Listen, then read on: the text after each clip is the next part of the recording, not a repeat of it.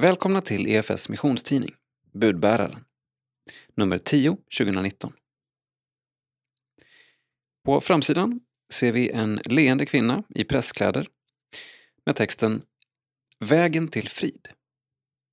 Brokiga vägar ledde Anahita till Jesus. Övriga rubriker. Globalt. Oviss framtid för kristna i Irak. Vardagstro. Rolfs mirakulösa helande. Teologi. Lovsång och identitet. Innehåll. Sida 4. Kören som berör. Sida 5. Jubileum med biskopsbesök. Sida 7. Krönika av Kerstin Oderhem. Citat. Tänk om det är så att mycket av det vi tycker är vårt är Herrens. Slutcitat. Sida 8. Lokalt. Sarah Hinlicky Wilson på besök. Sida 10. Falnande hopp för kristna i Irak. Sida 16. Globalt. Irakisk vardagsmat. Sida 18. Anahita Parsan är tacksam för allt hon har gått igenom. Sida 32. Rolf vittnar om en gud som helar. Sida 38. Kyrkohistoria. 1800-talets pingstkarismatiska rörelse. Sida 42. Teologisk reflektion. Så kan hela livet bli en gudstjänst. Sida 44. Teologi. Lovsång och identitet. Sida 48. Kultur. Kyrka i nytt landskap. Sida 50. Kultur. Thomas Sjödin om sin senaste bok. Sida 51. Kultur, tips och recensioner. Sida 53. Kultur, psalm 103. Sida 55. Info. Nytt och aktuellt inom EFS och SALT. Sida 58. Beal. Resurs för barngruppen. Sida 60. EFS distrikt Norrbotten. Sida 62. EFS distrikt Mittsverige. Sida 65. SALT. Vad ger det mig? Krönika av Johanna Björkman.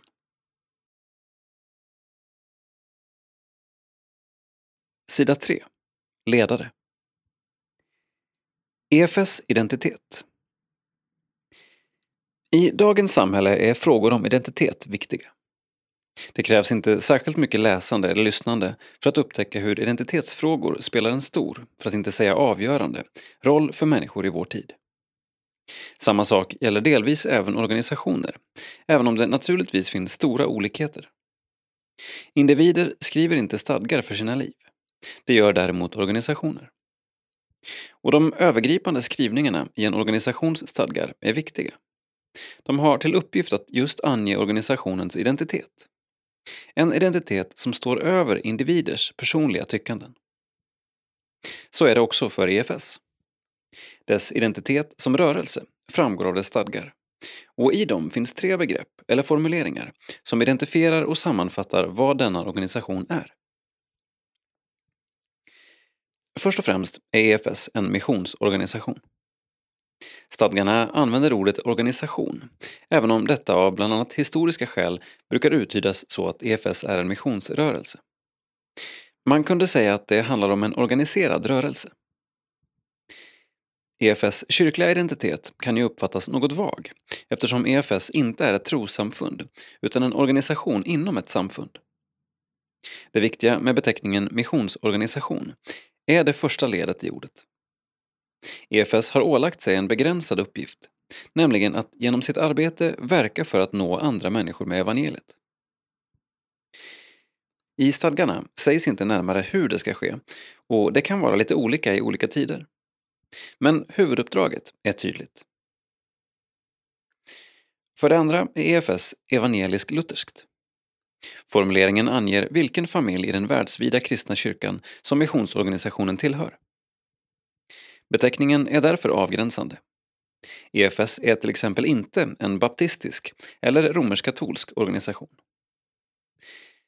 Individer med anknytning till rörelsen kan ha sådan bakgrund, men organisationen EFS är evangelisk-luthersk. Det är dess familjenamn med vad det innebär. För det tredje är EFS inomkyrkligt. Det vill säga, EFS är en del av den större kyrkliga enhet som heter Svenska kyrkan. Med kyrkan delas bekännelse och ämbete. Men det finns en markering i stadgarna. EFS är inte en del av kyrkans organisation, utan en självständig del av helheten, med egen styrelse, egen budget, egna lokala föreningar och så vidare. Enkelt uttryckt sammanfattar alltså dessa tre begrepp vad EFS är. En inomkyrklig, evangelisk-luthersk missionsorganisation. Detta är kanske inte upphetsande, men det är i alla fall hyfsat tydligt. Och det är grund och utgångspunkt för arbetet. Lars-Olof Eriksson, ordförande EFS. Sida 4. Kortnytt. Soul Children, en kör som berör. Festlig stämning när Soul Children samlade hundratals körsångare till festival. Soul Children är en körrörelse som riktar sig till åldersgruppen 10 16 år. Rörelsens vision är att vinna och bevara unga för evangeliet genom sång och musik som de känner igen sig i, såsom gospel, rock, pop och soul. Ursprungsidén är från Norge och har fått spridning världen över. Sedan 2015 har körrörelsen funnits i Sverige med SALT, Barn och unga EFS, som huvudman. I slutet av oktober höll Soul Children en stor festival, sker vartannat år, den här gången i Örebro med över 400 barn och ungefär 80 ledare. Det bästa facit vi kan få är det vi får höra från folk som var där. Och det är fantastiskt att få höra och se hur väldigt glada och nöjda många av deltagarna och ledarna var. Säger Maria Ottestig, samordnare för Soul Children i Sverige. Festivalen avslutades med en nästintill fullsatt konsert i Hjalmar Bergman-teatern. Till och med en del av personalen som jobbade på teatern uttryckte att de blev väldigt berörda av sången. Det fanns så mycket glädje i det som gjordes i lokalen. Jag vill rikta ett stort tack till alla volontärer från lokala sammanhang som engagerat sig, säger Otte Stig.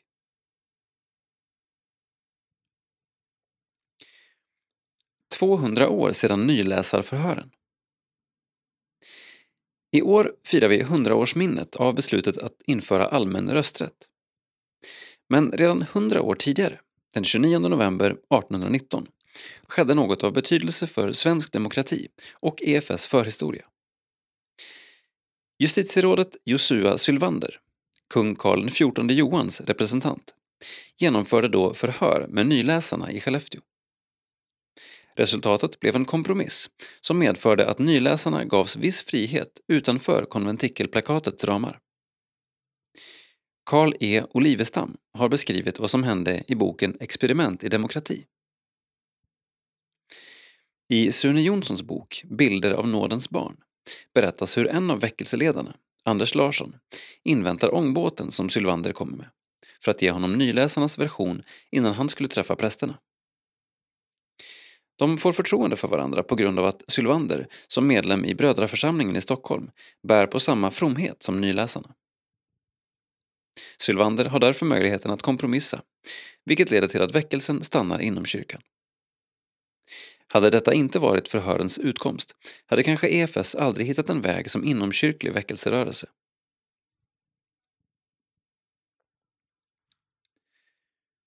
Hammarbykyrkan firade 50 år med biskopsbesök. Tre EFS-föreningar samsas om Hammarbykyrkan, som nu fyllt 50 år. Detta firades med en bejublad konsert, festmåltid och jubileumsmässa.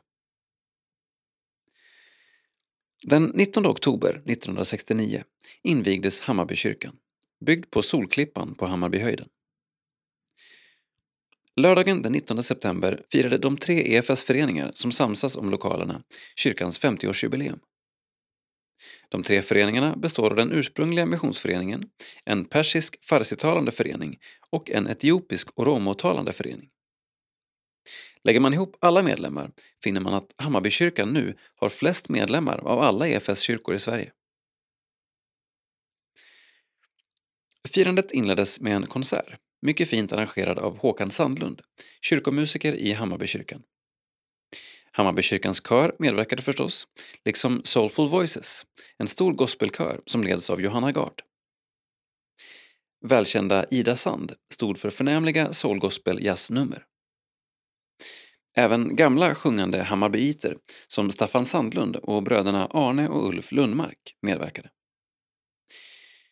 Konserten följdes av en festmåltid med cirka 120 gäster där ett bildspel från kyrkans historia visades samtidigt som goda minnen delades. Dagen efteråt fortsatte firandet med en välbesökt och högtidlig jubileumsmässa. Sex år efter det dramatiska året 2013, då Skarpnäcks församling bröt samarbetsavtalet med Hammarbykyrkan, fick kyrkan besök av Stockholms nye biskop, Andreas Holmberg. Biskopen ledde nattvardsgången och EFS missionsföreståndare Kerstin Oderhem predikade. Även Mia Ström, distriktsföreståndare i Mittsverige, medverkade liksom de tre EFS-föreningarnas präster, Gustav Hafström, Anahita Parsan och Duresa Mabesha Teka. Vid kyrkkaffet fick biskop Andreas tillfälle att berätta om det valspråk han valt. Bli kvar i min kärlek. Biskopen betonade EFS viktiga roll inom Svenska kyrkan och berättade om sina egna arbetserfarenheter från de tidigare samarbetskyrkorna Akalla-kyrkan och Ängskyrkan i Tumba. Till jubileet sammanställdes en liten jubileumsskrift. Dess rubrik, Tacksamhet och framtidstro, kan stå som kännetecken för hela jubileumshelgen. Tacksamhet över de 50 år som gått och tro på en viktig roll i evangeliets tjänst under år som kommer. Karl-Olof Strand Sida 7. Krönika. Tänk om det är så att mycket av det vi tycker är vårt är Herrens. Skriver Kerstin Oderhem. Sammanlänkade som ett folk. I september var EFS i norra Irak och spelade in CBG. Vi mötte förföljda kristna och andra minoriteter. Det dröjde inte mer än någon vecka efter hemkomsten innan nyheten når oss att Turkiet går in med militär i norra Syrien. Som ett band mellan Turkiet, Armenien, Syrien, Irak och Iran går det område som brukar kallas Kurdistan. De är ingen egen erkänd stat, men de har under många år kämpat för självständighet. I det området har kristna minoriteter och andra förföljda folkgrupper tagit sin tillflykt. Med ett nytt krig hotas nu dessa redan förföljda människor. Jag har sökt på sociala medier efter rapporter kring hur de kristna har det. Tre dagar efter Turkiets offensiv läser jag på en ortodox prästs Facebook ett bibelcitat ur Romarbrevet 14.7. Om vi lever, lever vi för Herren. Och om vi dör, dör vi för Herren. Vare sig vi lever eller dör tillhör vi alltså Herren. Jag har läst detta bibelord många gånger. Men nu när jag sitter med telefonen i handen och genom den kikar in i något av det som är prästens vardag lyser orden med ett nytt ljus. Jag tänker att han med största sannolikhet har ett bävande hjärta men uttrycker med valet av bibelord sin tillit till Gud. Det stämmer mig till eftertanke och min egen tillit till Gud. Men jag frågar mig också på vilket sätt vi här i Sverige är hoplänkade med dessa bröder och systrar. Vi är många som älskar det som vi upplever som vårt. Men tänk om det är så att mycket av det vi tycker är vårt är Herrens. Jag tänker på vad som hänt i det politiska klimatet sedan förra kriget. Då vädjade statsministern att vi skulle öppna våra hjärtan. Idag kommer troligtvis ingen vädja. Idag får de kristna ledare i Sverige som höjer röster för att människor måste kunna fly från ett krig på fingrarna i debatten. För hur ska Sverige klara välfärden? Ja, frågorna är komplexa och jag är medveten om att jag inte besitter några politiska svar. Däremot är vi som människor satta i en mycket större värld än vad landsgränser reglerar. Herren är kung över hela jorden och han har ett folk. Därför blir vi som tillhör Herren sammanlänkade med den kyrka som lider och det stämmer till både eftertanke och handling. Så låt oss fortsatt både se, be och ge. Kerstin Oderhem, EFS missionsföreståndare. Sida 8.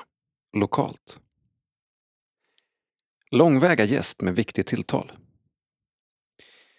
Under en intensiv vecka fick EFS och Johannelunds teologiska högskola besök av teologen Sarah Hinlicky Wilson. Text och bild Kristoffer Lignell. Sarah Hinlicky Wilsons resa till Sverige började den 31 oktober 2017 i Wittenberg, Tyskland. Hon höll ett föredrag om Luther och Thomas Nygren, lärare på Johannelunds teologiska högskola, var där och lyssnade. Det ledde till en inbjudan att tala på konferensen Livsväg och att föreläsa på Johannelund och en fortbildningsdag för präster på EFS-gården Höllvikstrand. Vid tiden för intervjun är hennes hektiska vecka i Sverige snart slut och hon ska återvända till sin familj i Tokyo, där de bor sedan ett drygt år tillbaka. Hennes man arbetar vid Japan Lutheran Theological Seminary som professor i kyrkohistoria och själv är hon präst i Tokyo Lutheran Church. En annan stor passion är matlagning och podcasten hon har tillsammans med sin far. Min familj skulle beskriva mig som en tvångsmässig kock som pratar för mycket om Luther. I min podcast och mitt nyhetsbrev kan jag förena två stora intressen, säger hon. Annars är det akademin som har varit hennes arena. Av en slump fick Wilson ansvar för dialogen mellan pingstkarismatiker och lutheraner vid The Institute for Ecumenical Research i Strasbourg. Jag arbetade med ekumenik och studerade pentekostalism och via det fann jag karismatisk lutherdom. Man kan inte vara en mer traditionell, tråkig lutheran än jag, säger hon och fortsätter. Jag har ingen spännande konverteringshistoria. Jag gillar orgelmusik, salmer och Bach. Karismatik är inte en del av min egen historia, men jag har lärt mig mycket efterhand och det har betytt mycket för mig. Under de åtta åren i Strasbourg studerade hon bland annat relationen mellan karismatiska väckelser och förnyelserörelser och den institutionaliserade kyrkan. Det verkar som om institutionen faktiskt är det sätt genom vilket Gud först och främst valt att handla i världen. Men institutioner har alltid ett behov av förnyelse och ibland verkar det behöva större omskakningar. Studerar man de stora väckelserna i historien ser man att de som inte bärs upp av institutionella praktiker endera urartar eller så avtar de och försvinner. I en av sina föreläsningar sätter hon upp tre riktlinjer för relationen mellan väckelsen och kyrkan. Försök inte starta en väckelse eller förnyelse. Försök inte döda en väckelse eller förnyelse. Tålamod krävs och lidande är att räkna med. För mig som lutheran är tålamodet det sätt genom vilket Gud primärt arbetar med oss. Tålamod är att tillåta Gud att arbeta med oss. Att bli otålig är att säga jag vill inte att Gud arbetar mer med mig, jag vill ta kontrollen över mitt liv. Risken är stor i karismatiska kretsar att det saknas tålamod. Samma tema återkommer när vi pratar om kyrkans uppgift och utmaningar i världen. Kyrkans uppgift är att göra det som bara kyrkan kan göra. Läsa och predika ordet, fira dop och eukaristi och be. Om kristna som blivit förvandlade av dessa praktiker sedan vill gå ut i världen och göra andra saker så ska de göra det. Men kyrkan blir så lätt distraherade av andra saker som att vara produktiva, skapa rubriker och synas. Tålamod krävs då kyrkans kärnuppgifter inte ger rubriker eller uppmärksamhet.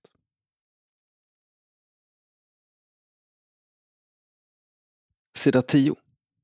Fortsatt kritiskt läge i Irak. Turkiets invasion av syriska Kurdistan triggar även på massexodusen av minoriteter från Mellanöstern. Bland de kristna på Nineveslätten i Irak falnar hoppet allt mer om en fortsatt framtid där. Text Bengt Sigvardsson, bild Johan Eriksson. Öde gator kantas av husruiner, obebodda hus och igenbommade butiker i många kvarter i den kristna staden Teleskuf på Nineveslätten i nordvästra Irak. Innan terrorsekten Islamiska staten, IS, invaderade Teleskuf och resten av den då övervägande kristna Nineveslätten i augusti 2014 sprudlade kvarteren av liv. Cirka 1200 familjer levde då i staden. Trots att IS drevs ut ur Teleskuf i maj 2016 bor där numera endast cirka 500 familjer. Många av dem är internflyktingar från andra delar av Irak. Merparten av de ursprungliga invånarna har flyttat utomlands. Det ska även 21-åriga Ranin Jubru snart göra. Hon ska flytta till Australien och gifta sig. Här finns ingen trygghet, inga jobb och ingen stabilitet. Före 2014 tänkte ingen på att emigrera. Nu gör alla det. Det måste bli stabilitet i regionen om vi kristna ska stanna, säger hon. Vid den irakiska diktatorn Saddam Husseins fall 2003 fanns det 1,5 miljoner kristna i Irak. Idag har antalet krympt till 225 000. I Syrien var 10 procent av landets 22 miljoner invånare kristna före inbördeskriget 2011. Idag uppskattas 80 procent av dem ha flytt utomlands. Många av de kvarvarande kristna i Syrien lever i det självstyrande kurdiska området Rojava, nordväst om Nineveslätten. Efter att Turkiet inledde sin invasion av Rojava den 9 oktober riskerar det att bli ännu en plats i Mellanöstern som är etniskt rensat på kurder, kristna och andra minoriteter. Över 100 000 människor har hittills drivits på flykt. Turkiets mål är att skapa en säkerhetszon mot kurdiska terrorister, det vill säga kurdiska YPG, Folkets försvarsenheter, som var USAs främsta allierade i kampen mot IS i Syrien. Nu håller USA på att evakuera sina sista soldater från Rojava. I kaoset som har följt har kring 800 IS-medlemmar och deras familjer flytt från läger och fängelser i Rojava. Det ökar risken för att IS åter ska organisera sig i både Irak och Syrien. I Teleskop drar sig många från att resa till närmsta storstaden Mosul av rädsla för IS-sympatisörer. Alla mina vänner råder mig att ta av mitt kors kring halsen om jag reser dit. Och jag är rädd för att visa att jag är kristen där. Säger 27-åriga Ayman Assam Dawood. Mosul intogs av IS sommaren 2014 och var ett av dess starkaste fästen till de besegrades där i juli 2017. Trots detta vågar många kristna inte arbeta eller studera där som de gjorde tidigare. Ayman tog sin universitetsexamen för fem år sedan. Han har sökt otaliga jobb utan framgång, även på universitetet i Mosul. Om jag erbjöds arbete på universitetet i Mosul skulle jag tacka ja, men jag skulle inte känna mig trygg, säger han. De kristna är även rädda för att resa på Nineveslätten. Sedan slutet av 2017 är slätten uppdelad mellan centralregeringen i Bagdad och den semiautonoma regeringen i irakiska Kurdistan. Teleskuf ligger på den kurdiska sidan. Den irakisk-kontrollerade delen är i händerna på Iranstödda shia-muslimska miliser. En del kristna säger att de trakasseras i shiitiska vägspärrar. Ingen i Teleskuf vill uttala sig om det. Jag känner mig inte fri nog att svara på den frågan, men vi är andra klassens medborgare, säger Ayman. Han menar att kristna diskrimineras på arbetsmarknaden. Detta i kombination med ökad instabilitet har fått honom att ta beslutet att emigrera till Australien. Jag ska göra det, trots att jag är emot att kristna lämnar Irak. Till och med under de tre år som jag varit på flykt i irakiska Kurdistan var jag fast besluten om att återvända till Teleskuf och stanna här. Men nu ger jag upp, säger han. En bit bort ligger klostret Marmatai. Där träffar vi tvåbarnspappan Yasir Sabah Matti från staden Bartella som ligger på den irakisk kontrollerade delen av slätten. I mars 2017 var budbäraren med när Yasir och hans son återvände till familjens hus i Bartella. Då hade de varit på flykt i irakiska Kurdistan i över två och ett halvt år. Huset var vandaliserat, men med hjälp från EFS lokala partner, Capni, har familjen reparerat det. Många hus ligger fortfarande i ruiner i, Bar i Bartella och infrastrukturen är undermålig. Men Yassir har återupptagit sitt arbete som kyrkvaktmästare. Hans barn går i skolan. Idag finns det 600-700 kristna familjer i Bartella. Före 2014 fanns det runt 2400 kristna familjer. Nu har de flesta flytt utomlands, säger han. Relationerna mellan irakiska Kurdistan, som är västvänligt, och Bagdadregeringen, som står Iran nära, är spända. Jag önskar att vi tillhörde irakiska Kurdistan istället. Kurderna behandlar oss kristna bättre än vad centralregeringen gör, säger han. Bartella kontrolleras av en milis bestående av shiitiska shabeker, en etnisk folkgrupp. De kristna, som tidigare var i majoritet, är nu i minoritet. Nu kontrolleras vi av shia-muslimska shabaker. De kallar Bartella för shabakernas huvudstad, säger Yazir. Med Turkiets invasion av Rojava kan Irans hegemoni i regionen öka. USAs tillbakadragande har kastat de syriska kurderna i famnen på den syriske presidenten Assad. Den 13 oktober slöt Assad en allians med kurderna. Den syriska armén är i skrivande stund på väg mot norra Syrien. Med USA ur spelet tyder mycket på att Iran, genom alliansen med Assad, kommer att kontrollera hela Syrien. Då ska man ha i åtanke att Iran redan kontrollerar Libanon samt Irak, med undantag för irakiska Kurdistan. Ett orosmoment är en potentiell amerikansk attack mot Iran. Ett krig skulle med största sannolikhet spilla över till Irak. Risken finns då att de kristna ses som en femte kolonnare av de shiitiska miliserna. Yazid säger att det permanent osäkra läget och diskriminering har lett till att alla kristna i Bartella vill lämna Irak. Även han och hans familj. Jag tänker framförallt på mina barn. De har ingen framtid här. Här finns ingen trygghet eller stabilitet, säger Yazid.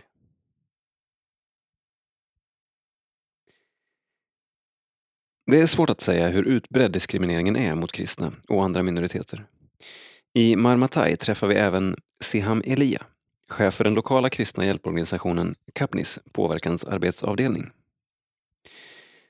Siham säger att mycket av diskrimineringen mot minoriteter grundar sig i att många i Irak inte känner till sina eller andras rättigheter.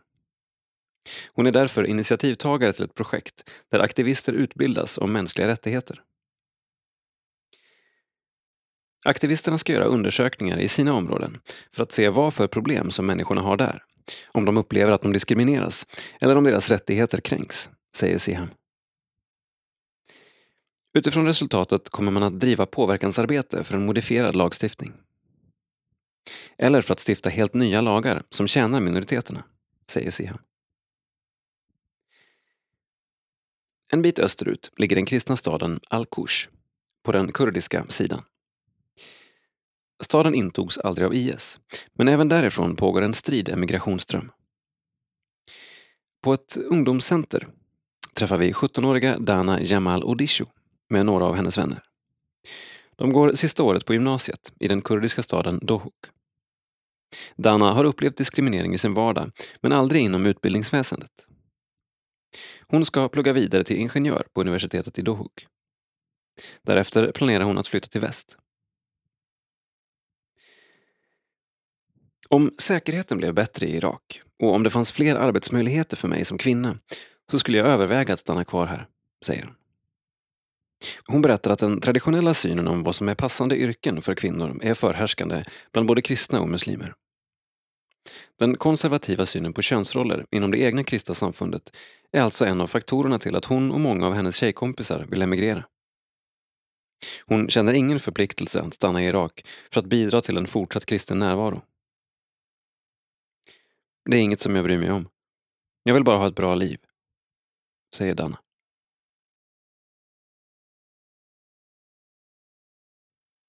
Sida 16. Mat från Irak. Ett sätt att lära sig att närma sig och förstå en kultur är att äta dess mat. När du bjuder på denna vardagsrätt från Irak, passa på att be för våra förföljda syskon i Mellanöstern. Dijaj bitiman el ahmar. Kyckling med rött ris på irakiskt vis. Sex portioner. Sex kycklingklubbor, Fyra deciliter basmati-ris, fem matskedar tomatpuré, två stycken kycklingbuljongtärningar, en tesked paprikapulver, en tesked gurkmeja, en tesked lökpulver, en tesked sju kryddor, en citron, en halv deciliter äppelcidervinäger, cirka 9 deciliter vatten, salt och peppar efter smak, olja. Tillbehör Yoghurt, bröd. Gör så här. Krydda kycklingen med angivna kryddor och tillsätt äppelcidervinäger och juicen från en pressad citron samt citronskal. Stek kycklingen i olja i 5-7 minuter på varje sida tills den fått en gyllenbrun yta. Häll olja, kycklingbuljong och tomatpuré i en kastrull. Låt pysa någon minut och tillsätt sedan ris och salt och rör om. Häll i vatten och låt koka under lock. Servera riset på ett stort fat tillsammans med kycklingen. Gott med pitabröd och yoghurt vid sidan om. Riset är den mest centrala beståndsdelen i det irakiska köket. På onsdagar och fredagar lagar irakiska kristna ofta rött eller vitt ris tillsammans med sallad, utan kött. Det sägs att Jesus blev förrådd på en onsdag och korsfästes på en fredag. Och därför fastar vi från kött just de dagarna. Matentusiasten Gina, som är assyrier från Irak och tolk till vardags. Sida 18. Porträtt. Ljus i mörkret. Prästen Anahita Parsan berättar om vandringen i dödsskuggans dal, sin identitet som kristen och sitt hjärtas dröm om att fler ska få möta Jesus. Text Elin Liljero Eriksson Bild Rickard L Eriksson. Det är en kylig torsdagsmorgon när det knackar på Hammarbykyrkans stora trädörrar strax utanför Stockholm. Ett ungt par frågar efter Anahita Parsan. Några minuter senare ringer det till kyrkans telefon där någon på andra sidan luren önskar att få tala med henne. Och vi inser snabbt att Anahitas tid med eftertraktad. Jag jobbar alldeles för mycket, minst 150 procent, säger Anahita och skrattar medan hon rättar till en bibel som håller på att trilla ut ur en av kyrkbänkarna. Men det här är min kallelse, att väcka människor i ett land där många fallit i sömn. Och jag är, jag är en arbetare. Jag kan aldrig säga att jag gjort nog, men jag kämpar mycket. Hon tittar ut genom de höga kyrkfönstren som vetter mot Globen och Södermalm. Dagens himmel är i gråskala. Sverige är, eller var, ett kristet land. Det är synd att mörkret lagt sig som en dimma över det. Den dimman kommer att försvinna genom bönens kraft. Från att ha varit i djup sömn håller många på att vakna nu. Och det är det jag arbetar för. Hammarbykyrkan består av tre EFS-föreningar. En svensktalande, en persisktalande och en oromotalande. Något Anahita är en av anledningarna till. Sedan hon kom hit som präst 2012 har hon döpt hundratals människor. Många av dem är före detta muslimer som tagit emot Jesus, liksom hon själv. Och det är svårt att möta Anahita utan att beröra hennes egen historia. En hjärtskärande, omskakande och mirakulös historia. En historia som hon delat i kyrkor, på TV, i sin egen bok och till och med för svenska kungaparet, som blev så rörda att de bjöd in henne till att berätta den även på slottet. Jag tror att Gud lät mig gå den svåra vägen för att kunna förstå och möta människor. Så jag tackar Gud för allt jag gått igenom, säger hon och sluter ögonen. Det är 35 år sedan nu. Men där, under ögonlocken, är detaljerna från hennes flykt från krigshärjade Iran ännu tydliga. De snöbeklädda bergen, iskylan och de vilda djurens ylanden. Den hårda militären, de odiplomatiska smugglarna och väskan där hennes en månad gamla dotter låg gömd. När jag blundar ser jag mig själv i bergen, i dalen som vi inte visste om den hade någon utgång. Vi gick på nätterna och vilade om dagarna. Det var snö på marken, så vi hade klätt oss i vita lakan för att vi inte skulle synas. Men de där lakanen frös och blev hårda så att de gav ljud ifrån sig. Jag hade en fruktansvärd smärta i kroppen, både själsligt och fysiskt. Anahita var nyförlöst, hade förlorat sin make i en bilolycka tre år tidigare och hade fått lämna sin son kvar och sina föräldrar i Iran. Då visste hon inte om hon skulle få se honom mer. Nu gick hon med sin nye man över bergen och sin dotter som smugglarna gett för stora doser sömnmedel till så att hon inte skulle göra något väsen av sig i väskan. Till slut upptäckte vi att min dotter var livlös. Det var hemskt. När min man såg det ville han begrava henne där, i bergen. Så han gjorde som en pyramid av stenar omkring väskan hon låg i för att de vilda djuren omkring oss inte skulle äta upp henne. Anahita öppnar ögonen igen. Att förlora hoppet om ens liv har en gräns. Kommer man till den gränsen där man inte känner någon sorts rädsla för döden har man nått den punkt dit många av dem som tar livet av sig når. Jag kom till den gränsen. Att leva hade ingen mening för mig. Varför skulle jag inte dö? Hon berättar vidare hur hon rev stenpyramiden i samma ögonblick som hennes man var bortom synhåll i bergen, dit han gått för att hitta den väg de skulle fortsätta på. Jag tog upp min dotter och höll henne mot mig samtidigt som jag plockade upp en sten och började slå den mot min panna i hopp om att försöka dö lite snabbare. Desperationen gjorde sig hörd genom hennes stämband. Jag skrek så högt jag bara kunde. Gud, var är du? Varför gör du så här mot mig? Vad har jag gjort för att förtjäna det här?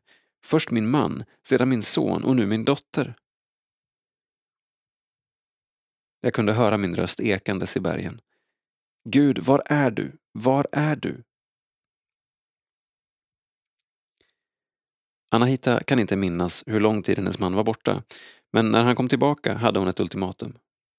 Hon skulle inte gå en centimeter till om hon inte får ta med sig dottern. Med hjälp av pinnar drog hennes man Anahita och väskan med dottern i, tills de blev upptäckta av militären. De pekade med sitt spjut mot väskan och frågade vad hon hade där. Anahita svarade att det bara var hennes döda dotter. Men när hon öppnade såg hon att dotterns ögon var öppna. Det fanns liv. Det var mitt mest underbara ögonblick i livet. Efter tio tuffa år, som inkluderar både fängelsestraff och många smärtsamma ögonblick, kom Anahita och dottern Roxana till slut till Sverige och Stockholm. Hon levde då under hot från maken som misshandlat henne och hade fått rådet av polisen att skydda sin identitet. Under åren som gått hade hon haft något som hon kramat om hårt när det varit som tuffast. En bibel. Bibeln hade hon av en händelse fått från några som en dag knackat på hennes dörr i Danmark. Då brydde hon sig egentligen inte så mycket om den, men när svårigheterna kom var det något i henne som gjorde att hon ville krama om den och be till Gud. Jag var som en deg under dessa år. En deg som behövde få jäsa för att kunna bli användbar. Mitt liv bestod av en massa olika problem, men under den tiden lämnade Jesus mig aldrig, även om jag inte förstod det då. Jag var inte kristen, inte döpt, men Jesus gjorde något med mig och med de få böner jag bad till honom. Så när jag sedan tog emot honom kunde jag aldrig mer tvivla eller vända mig tillbaka, säger hon och tillägger. Jag kan ibland se hos mina vänner som kommit till tro att de har en stor kamp kvar. Själv behövde jag tio år. Som nyanländ till Sverige upplevde hon sig allt annat än godkänd. Anahita började räkna på sina fem fingrar. Jag var kvinna. Jag hade en svår bakgrund. Jag hade varit muslim. Jag kom från ett främmande land och jag kunde inte språket så bra. Men idag, när jag ser tillbaka, har Jesus gjort något av alla dessa nackdelar, säger hon och minns tillbaka på en händelse för tolv år sedan. Jag hade precis bett för en mängd muslimska män under en bönesamling. Efteråt frågade en man från kyrkan mig hur kan de starka killarna med en bakgrund i islam ha förtroende för dig som är kvinna? Jag svarade att det inte är mig de har förtroende för, det är den helige Ande. Den som finns i mig är större än den som finns i dem. Deras andar ser min, de böjer knä inför Jesus, inte mig. Säger hon och pausar innan hon konstaterar I Sverige har jag faktiskt aldrig upplevt att någon är emot mig för att jag är kvinna. Att komma från länder där kvinnor lever i förtryck till ett rätt så jämställt land kan vara omtumlande, men också innebära mycket hopp. Lagen i Iran är islamisk och förtrycker både kvinnor och män, främst kvinnor och flickor.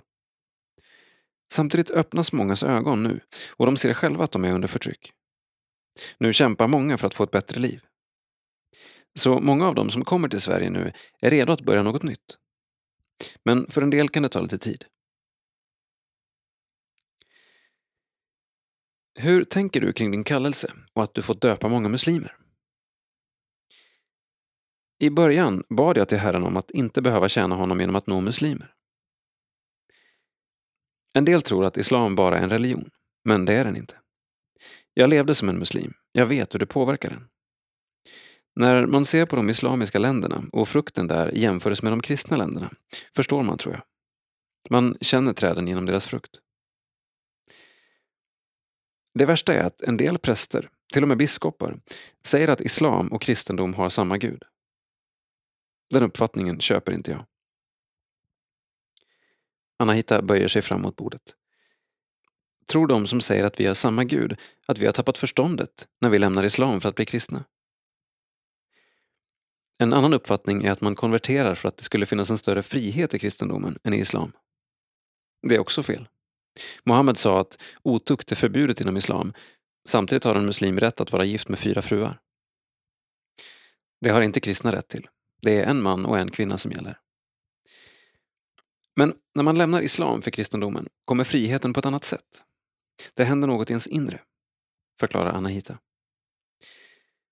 De som lämnar islam för att komma till Jesus gör det för att han har mött dem i hjärtat. Guds ande ger en stor frihet och kärlek. Den kärlek jag tidigare upplevde var villkorad. Ger jag något till dig så får du något tillbaka. Tand för tand. Kärleken vi får av Gud är nådens kärlek. Det är stor skillnad.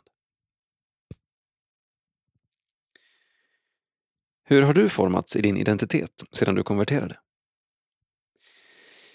När man lämnar islam förlorar man allt som man har varit, hela ens identitet. Allt som man har lärt sig under livet ska man lägga bort och börja om på nytt. Utan den helige Ande är det omöjligt. Många som lämnar islam för att bli kristna har först bara en dräkt av kristendom på sig. Under finns en dräkt av islam kvar. Därför blir det mycket kamp och utmaningar för kyrkorna som tar emot dessa. Det behövs mycket bön och befrielse. Det kan ta tid att våga tro att man får släppa all kontroll till Gud. Hur ser du på din identitet idag? Varken min iranska eller svenska identitet kan jag bära med till himlen. Men medan vi är här på jorden har vi fått en helt ny identitet. Som kristen är man lik sin far i himlen. Hans identitet finns i mig. Du börjar tänka på ett annat sätt. Du får en annan typ av kärlek. Och det är Jesus identitet. Just nu studerar fyra stycken av dem som kommit till Hammarbykyrkan och konverterat till kristendom teologi vid Johannelunds teologiska högskola. Att de ens har kommit dit kan ha att göra med att de först fått undervisning på farsi, vilket Anahita tillhandahåller flera kvällar i veckan och på söndagar i Hammarbykyrkan. En annan anledning kan vara alla de böner som bett för detta. I början av min tid här i Stockholm var jag i Sankta Clara kyrka och det var då jag märkte vilken kraft det finns i bön. Det var mycket mirakel och befrielser. En del tyckte till och med att det var för mycket. Och jag ska erkänna att jag var själv chockad över allt som hände. Men de som är nya i tron behöver ofta mycket bön för att de är vilsna, tills de blir mer stabila. Själv är Anna-Hitta mån om att få tid med Gud, även om hennes dagar kan bli rätt späckade. Och under den tiden är det främst två böner som är framträdande i henne. Den ena är att få fortsätta formas utifrån Guds identitet och gå på de stigar han jämnat ut åt henne. Jag undviker att gå mina egna vägar, för jag ser att jag ramlar så fort jag gör det. Jag är så rädd om min relation med honom. Den vill jag aldrig förlora. Den är så underbar. Så underbar. Säger Anahita och ler. Under vårt samtal har himmelens gråa nyanser skingrat sig och när vi kommer ut från kyrkan är strimmor av sol just i färd med att tränga sig igenom molntäcket.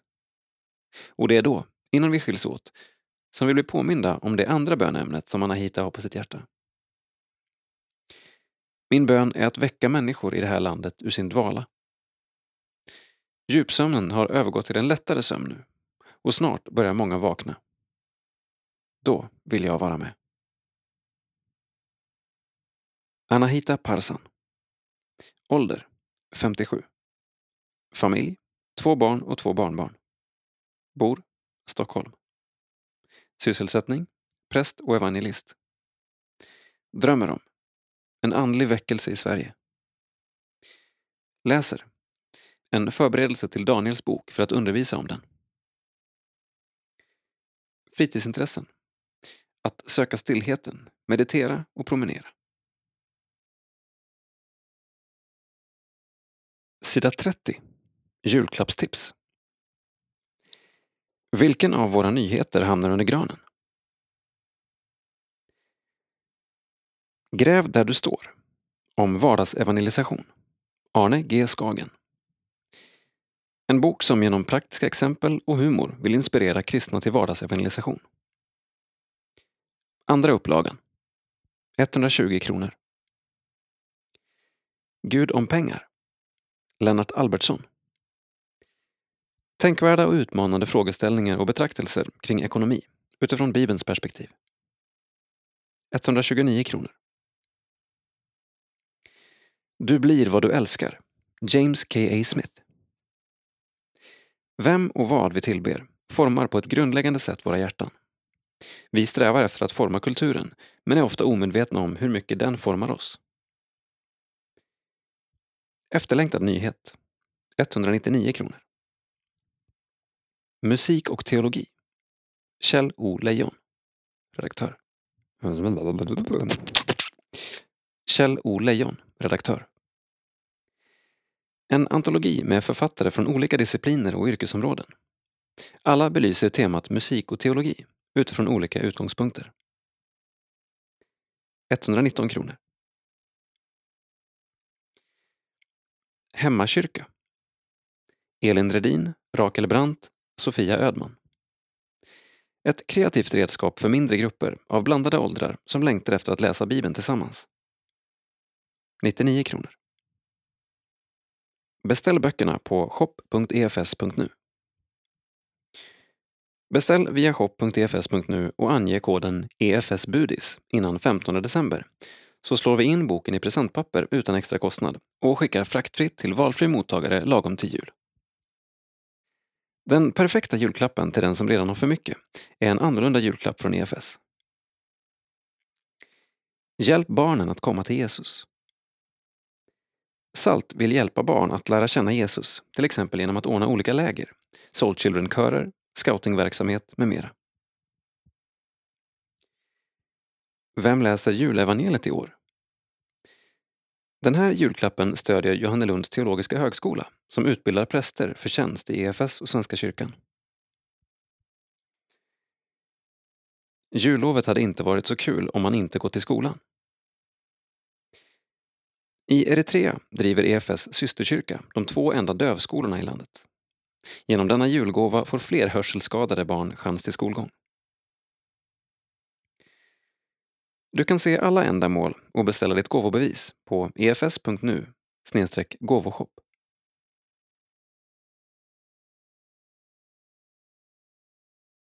Sida 32.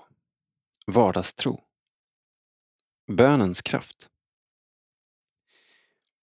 Rolf och Stina Berglund har upplevt Guds helande hand. Nu vill de dela med sig av det övernaturliga bönesvaret. Från en obotlig njurbäckencancer till ett mirakulöst tillfrisknande. Text Dagmar Witt Alemajeu. Bild Andreas Lundström. Rolf Berglund, 81 år, är utbildad civilekonom och har ett förflutet inom EFS. Han har arbetat som ekonomichef, suttit i EFS styrelse i sex år, arbetat som EFS-missionär samt varit ekonomisk rådgivare för Mekanesuskyrkan i Etiopien. Att Etiopien är som ett andra hem för paret Berglund kan man ana bara genom att gå i lägenhetens korridorer på Kungsholmen. Där pryder uppstoppade etiopiska fåglar väggarna och på bordet i vardagsrummet ligger ett exemplar av Håkan Polstrands, naturfotograf och specialist på Etiopiens vilda djur och fåglar, nya bok. När budbäraren träffade Rolf en solig höstdag i oktober är det dock på grund av miraklet som han upplevde för tio år sedan. Det hela började en februaridag 2010 då Rolf upptäckte blod i urinen. Vi besökte läkaren som sjukförklarade mig och jag gick från att ena dagen ha varit fullt frisk till att plötsligt vara väldigt sjuk, säger Rolf. Han diagnostiserades med obotlig njurbäckencancer och insåg tillsammans med frun Stina allvaret i situationen redan efter det första mötet med docenten. Stina ställde frågan, handlar det om två månader eller två år? Läkaren ville inte precisera någon tidpunkt utan, utan påpekade det obotliga. Vi förstod på hela resonemanget att det rörde sig om ett par år. Parets vardag förändrades drastiskt och Rolf gick från att ha varit en pigg 70-åring som spelade tennis två timmar varje vecka till att knappt kunna äta och ofta må illa. Kroppens fysik försvagades till den grad att han knappt orkade medverka vid kyrkorådets sammanträden i Sankt Görans församling. Sjukdomen förändrade mitt liv på ett påtagligt sätt. Det var ingen tvekan om att jag märkte av det. Cancern gick inte att bota. Däremot kunde läkarna erbjuda psykologhjälp. Men Rolf och Stina tackade nej. Istället vände de sig till sin vänkrets, som de visste var trogna bedjare. Rolf förklarar att de nyttjade två parallella processer. Den medicinska och den andliga. Vården som jag har fått har varit utomordentlig, jag har inget att klaga på. Men momentet med bön och förbön tror vi har varit avgörande i det här sammanhanget. Vänkretsen som Rolf nämner bestod av ett 50-tal bedjare från norra Piteå till södra Skåne. Bland dessa fanns familj och släkt, kollegor från Rolfs arbetsplats på Svenska Missionsrådet, medlemmar både från Betlehemskyrkan, som Rolf och Stina har tillhört sedan de flyttade till Stockholm från Piteå 1958, samt från Sankt Göran församling, som ligger ett stenkast från lägenheten på Kungsholmen. Jag åkte in till Huddinge sjukhus för operation och inom några dagar hade jag hört från folk uppe i Skellefteå som hade startat förbön. De tröstade oss med att Gud hade det hela i sin hand och att vi inte behövde bekymra oss. Det var många som bad enskilt och de skickade sms och mejl. Spontana hembesök varvades med telefonsamtal och vykort från bedande personer. Hela tiden fick paret uppmuntran och stöd som gjorde att de orkade ta sig igenom dagarna. Cellgiftsbehandlingen påverkade Rolf negativt och några månader in på vården orkade kroppen inte mer. Läkarna föreslog att behandlingen och proverna skulle pausas under sommarmånaderna och Rolf och Stina fick åka upp till Piteå för att tillbringa tid i sitt sommarhus. Även här blev sjukdomens spår tydliga. Min hörsel hade påverkats, vilket läkarna hade förberett mig på. Men när jag klippte gräset med en gräsklippare, något jag aldrig haft problem med, orkade jag knappt hålla igång en kvart innan kroppen sa ifrån. Trots de stora omställningarna var Rolf och Stina vid gott mod. Vi är ju inga övermänniskor. Oro och rädsla dök upp när vi bad ibland. Däremot hade vi tillförsikt att om det skulle bli ännu svårare så levde vi tryggt. Det finns en inbyggd trygghet i vår kristna tro. Det är som en personlighet. Vi är inte sådär spontana så att vi reagerar dramatiskt på allt. Vi läste Bibeln och tillämpade bön, i glädje och i sorg. Ett speciellt bibelord som de särskilt tog med i sina böner under den här tiden och under andra svåra perioder i livet är hämtat ur Markus 11 och 24, 1917 års översättning. Därför säger jag eder, allt vad i bedjen om och begären, tron att det är eder givet, och det ska ske eder. Jag bad ungefär, ta bort eländet jag har i lungorna, bota min otro den här gången var det ett fruktansvärt svårt bibelställe att tillämpa. Efter sommaren återvände paret till Stockholm för ett läkarbesök. Metastaserna hade, inte helt oväntat, ökat i mängd och växt i storlek. Cancern hade förvärrats och Rolfs kropp var fortfarande alldeles för svag för att återgå till cellgiftsbehandlingen.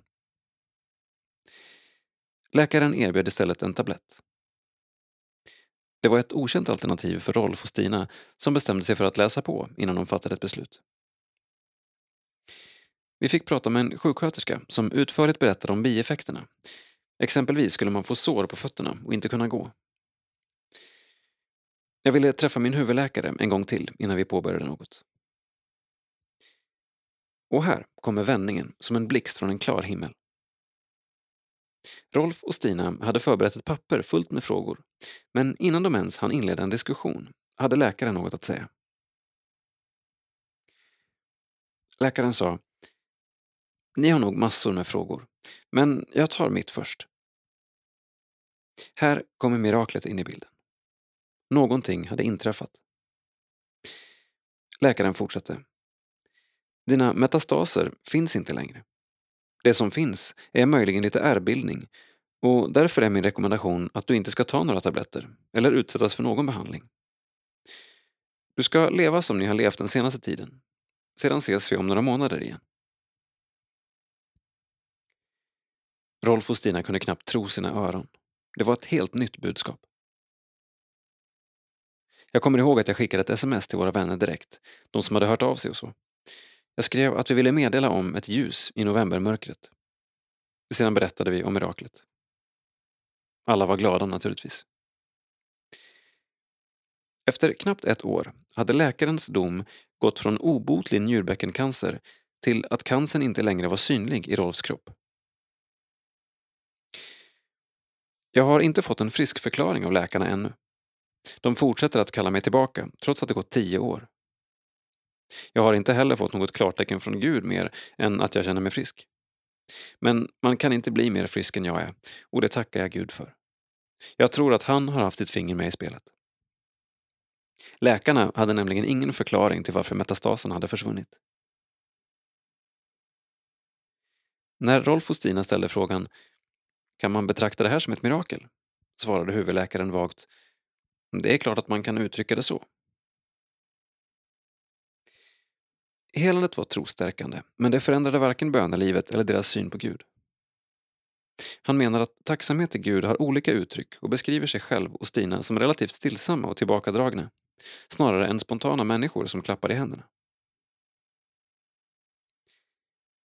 Vi upplever att gudstjänsten är mycket skönare om man kan knäppa händerna istället för att klappa. Jag och Stina är inte showmänniskor, utan vi konstaterar att detta har inträffat och att vi är tacksamma. Men vi gör inte en stor affär av det. Jag har ställt upp i vissa sammanhang där de velat att jag berättar, men mer än så har det inte varit. Att det var ett mirakel, det tvekar Rolf och Stina inte på. Däremot kan han inte förklara varför just han blev ett föremål för helande. Jag har en ganska enkel gudstro. Ibland tror jag att vi komplicerar det väldigt mycket. Vi som kristna kan till och med vara hinder för andra som inte tror. Hur var det Jesus gjorde? Vad sa han till lärjungarna? Följ mig, ungefär. Det var väldigt okomplicerat och det är väl ungefär så jag lever och uttrycker mig. Och i den enkelheten mötte Gud honom. Rolf ställer sig ödmjuk inför helandet och menar att det är nåd att Gud utvalt just honom. Jag tror att det var en uppgift som Gud ville att jag skulle uträtta, att jag inte var redo att lämna jordelivet. Jag kan inte tolka det på något annat sätt, även om det är möjligt att den förklaringen är egoistisk. Om uppgiften som Gud kallade honom till säger han Jag är inte teolog, men jag tror att man har en uppgift som lekman. För mig handlar det om att vara tydlig med att bekänna min kristna tro.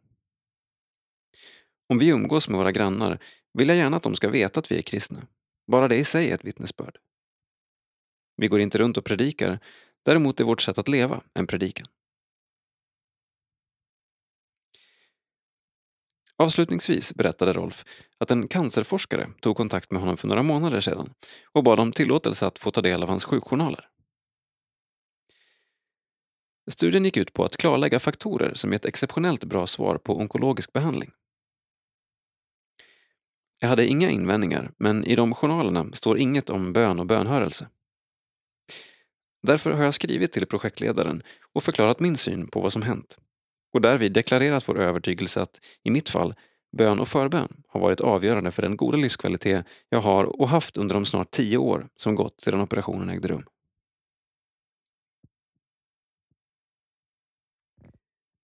Rolf Berglund. Ålder 81 Bor i Stockholm. Familj Fru Stina. Utbildning Civilekonom.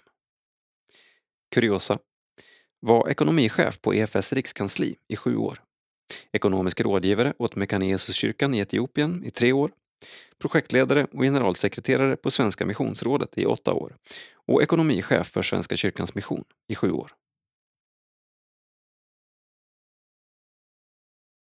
Sida 38. Kyrkohistoria Luthersk karismatik under 1800-talet Torbjörn Aronsson tar oss vidare i sin artikelserie om kyrkans historia. Denna gång med fokus på Johann Christoph Blomhart, prästen som blev pionjär för en helande väckelse. Text Torbjörn Aronsson. Bild Blomhart Societet. Wikimedia Naili-Zakon. Johann Christoph Blomhart var präst i den evangelisk-lutherska kyrkan i Württemberg vid mitten av 1800-talet. Kring honom uppstod en dramatisk väckelse som även påverkade Sverige. I Sverige inspirerades bland annat Valdemar Rudin som föreståndare för EFS Hedna Mission 1862-69 och Ebba Boström som grundade Samariterhemmet i Uppsala. 1800-talet var folkväckelsernas århundrade i hela den protestantiska världen. I Tyskland spreds pietismen åt många olika håll. Ett av de mest omskrivna väckelseskeendena skedde just i Möttlingen i dåvarande kungariket Württemberg. Redskapet för väckelsen var byns kyrkoherde, Johann Christoph Blumhardt, 1805 till 1880. Blumhardt föddes i Stuttgart samtidigt med Napoleons intåg i staden. Han växte upp i en gudfruktig familj och kom snart i kontakt med väckta pietistiska kretsar i staden. Vid tiden efter Napoleonkrigens slut blev missionsintresset allt starkare i dessa delar av Tyskland och i det närliggande Schweiz. Blomhart följde med uppmärksamhet den stora Baselmissionens verksamhet och beslöt sig för att studera teologi vid det berömda universitetet i Tübingen. Efter avslutade teologiska studier och ordination i Württembergs evangelisk-lutherska kyrka arbetade han som kommunister och lärare vid Missionsskolan i Basel. Så småningom växte dock hans önskan om att tillträda en kyrkoherdetjänst och efter giftermål kallades han 1838 av den kungliga regeringen i Württemberg att tillträda en sådan i byn Möttlingen. Möttlingen hade bara 500 invånare, men bland de föregående kyrkoherdarna fanns flera mycket framstående förkunnare och teologer. Inte minst Christian Gottlob Barth, 1799 till 1862. Efter ankomsten till Möttlingen kom Blumhardt så småningom i kontakt med ett mycket märkligt och, som det tycktes, omöjligt själavårds och sjukdomsfall. 1840 hade bagardottern Gottliebin Dittus för första gången hemsökts av oförklarliga kramper, blödningar och vad som kallades andeuppenbarelser. Bland annat hände det att små järnstänger trängde fram ur Gottliebins kropp. Hon åt också olika slag av järnskrot utan att skadas. Den medicinska expertisen förklarade fallet omöjligt att bota och fler och fler kom fram till uppfattningen att sjukdomen inte var naturlig utan att det var frågan om en demonisk besättelse. Blomhart, som studerat psykologi i Tübingen och dessutom var bekant med Baselmissionärernas upplevelser av liknande situationer, började 1842 sin andliga kamp för flickans befrielse från demoniska makter. Den dramatiska kampen utkämpades genom bön, fasta och bibelläsning och tog cirka två år. Skeendet finns detaljerat återgivet i den bok som Blomhart efter befrielsen skrev på basis av brev och dagboksanteckningar. Befrielsen skedde efter att flickan över sina läppar fått fram orden Jesus har segrat. Jesus har segrat. Alla ryckningar, kramper och andra uttryck försvann sedan lugnt och stilla och Gottlieb Indittus var fullständigt återställd. Så småningom kom också information fram om hennes bakgrund. Hon och hennes syskon hade efter föräldrarnas död anförtrotts åt en fostermor som praktiserade okkultism. Första delen av 1800-talet dominerades av romantiken som kulturströmning och i den ingick ibland ett starkt ockult intresse. Några år efter sitt helande blev Dittus föreståndare för Möttlingens barnhem och flyttade sedan med familjen Blomhart till Bad Boll. Där gifte hon sig med en dansk medarbetare till Blomhart och fick med tiden tre söner. Händelsen gjorde ett oerhört starkt intryck på byinvånarna, men också på hela det samtida Tyskland. Folk från de omgivande landskapen och städerna började vallfärda till Möttlingen och det var många gånger 4 till 5 000 personer närvarande vid söndagens gudstjänster. Omvändelser och uppseendeväckande helanden följde nu slag i slag. Till de mest kända fallen hörde diktaren Eduard Mörike. Blomhart utvecklade ett omfattande skriftställarskap där han på ett sakligt och vetenskapligt sätt dokumenterade väckelsens omfattning och uttryckssätt och den evangeliska teologi som han själv förkunnade. 1852 förvärvade Blomhart ett stort kurhotell i Bad Boll från kungen av Württemberg. Det blev därefter centrum för hans verksamhet. Blomhart behöll sitt prästämbete men befriades från kyrkoherdetjänsten. Vid kurhotellet i Bad Boll förenade Blomhart förbön för sjuka med hälsokost och regelbundna gudstjänster.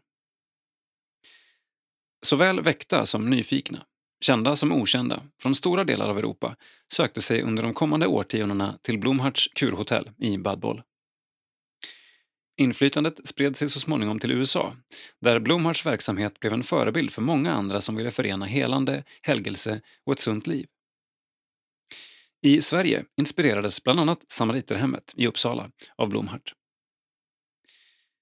Möttlingen har även fortsatt kännetecknats av andlig livaktighet i form av kristna gemenskaper, helande gudstjänster och en bykyrka som påminner om det som skedde genom Blomhart. I Möttlingen finns idag också ett välordnat museum med alla viktiga dokument med anknytning till Blomhart.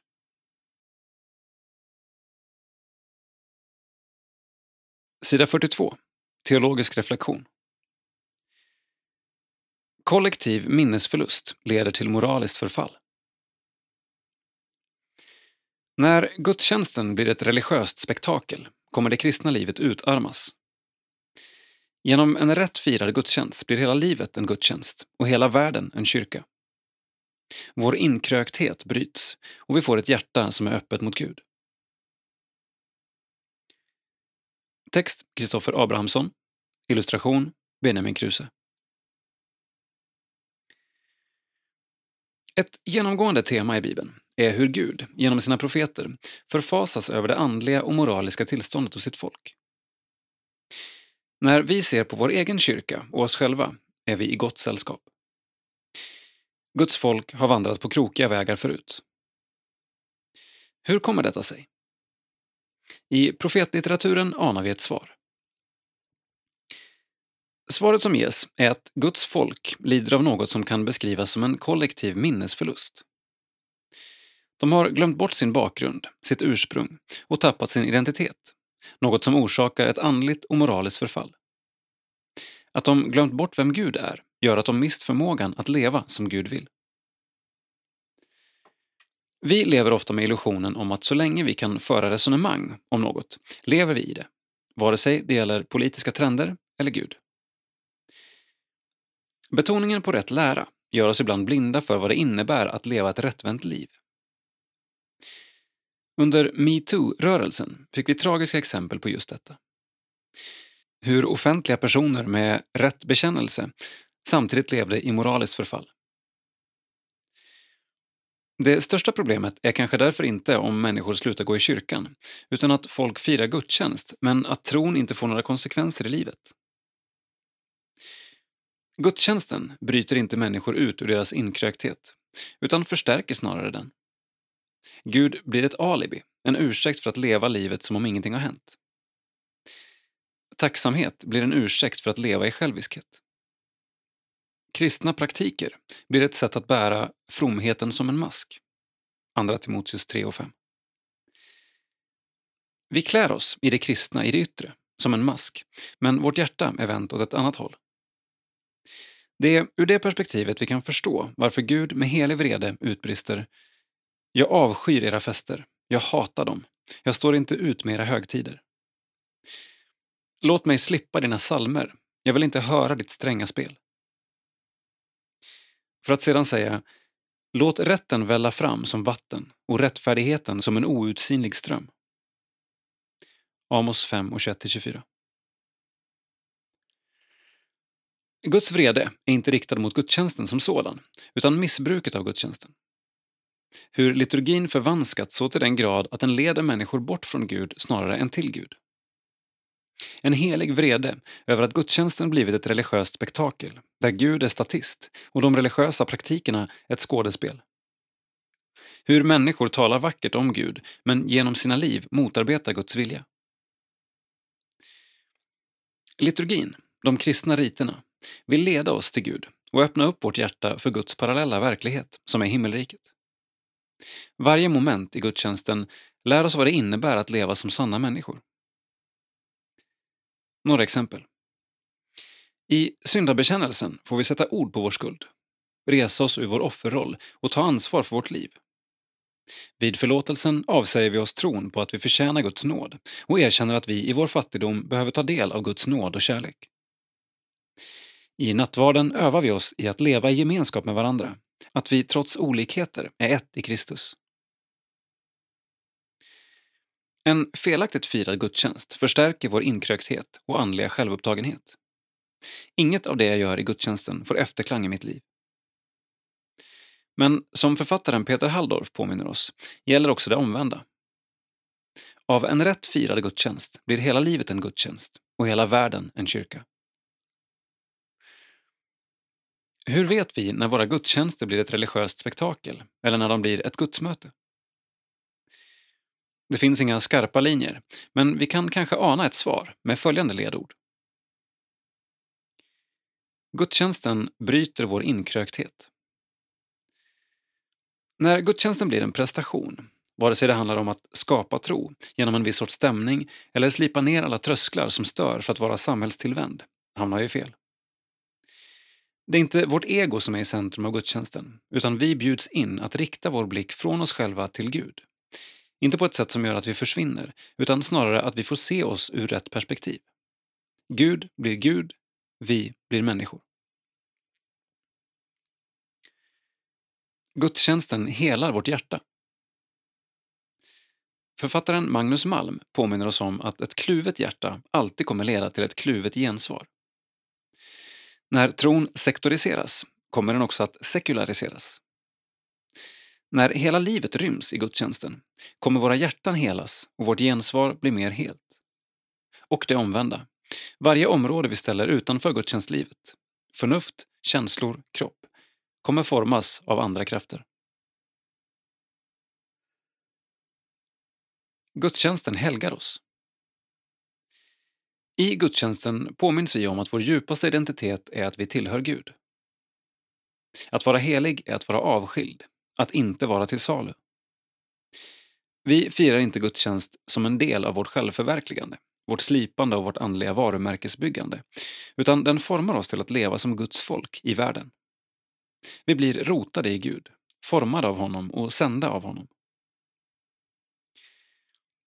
I Jesu berättelse om de två sönerna i Lukas evangeliet berättas det hur en av sönerna kommer till besinning, kommer till sig själv, när han sitter utarmad, hungrig och i moraliskt förfall. Där väcks längtan om att återvända till Fadern. Är det där vi som kyrka är nu? Böcker som varit till hjälp för mig och förslag på vidare läsning. Peter Halldorf alla himlens fåglar har flytt. Artos. James K.A. Smith Du blir vad du älskar. EFS budbäraren. Magnus Malm Som om Gud inte finns. Artos.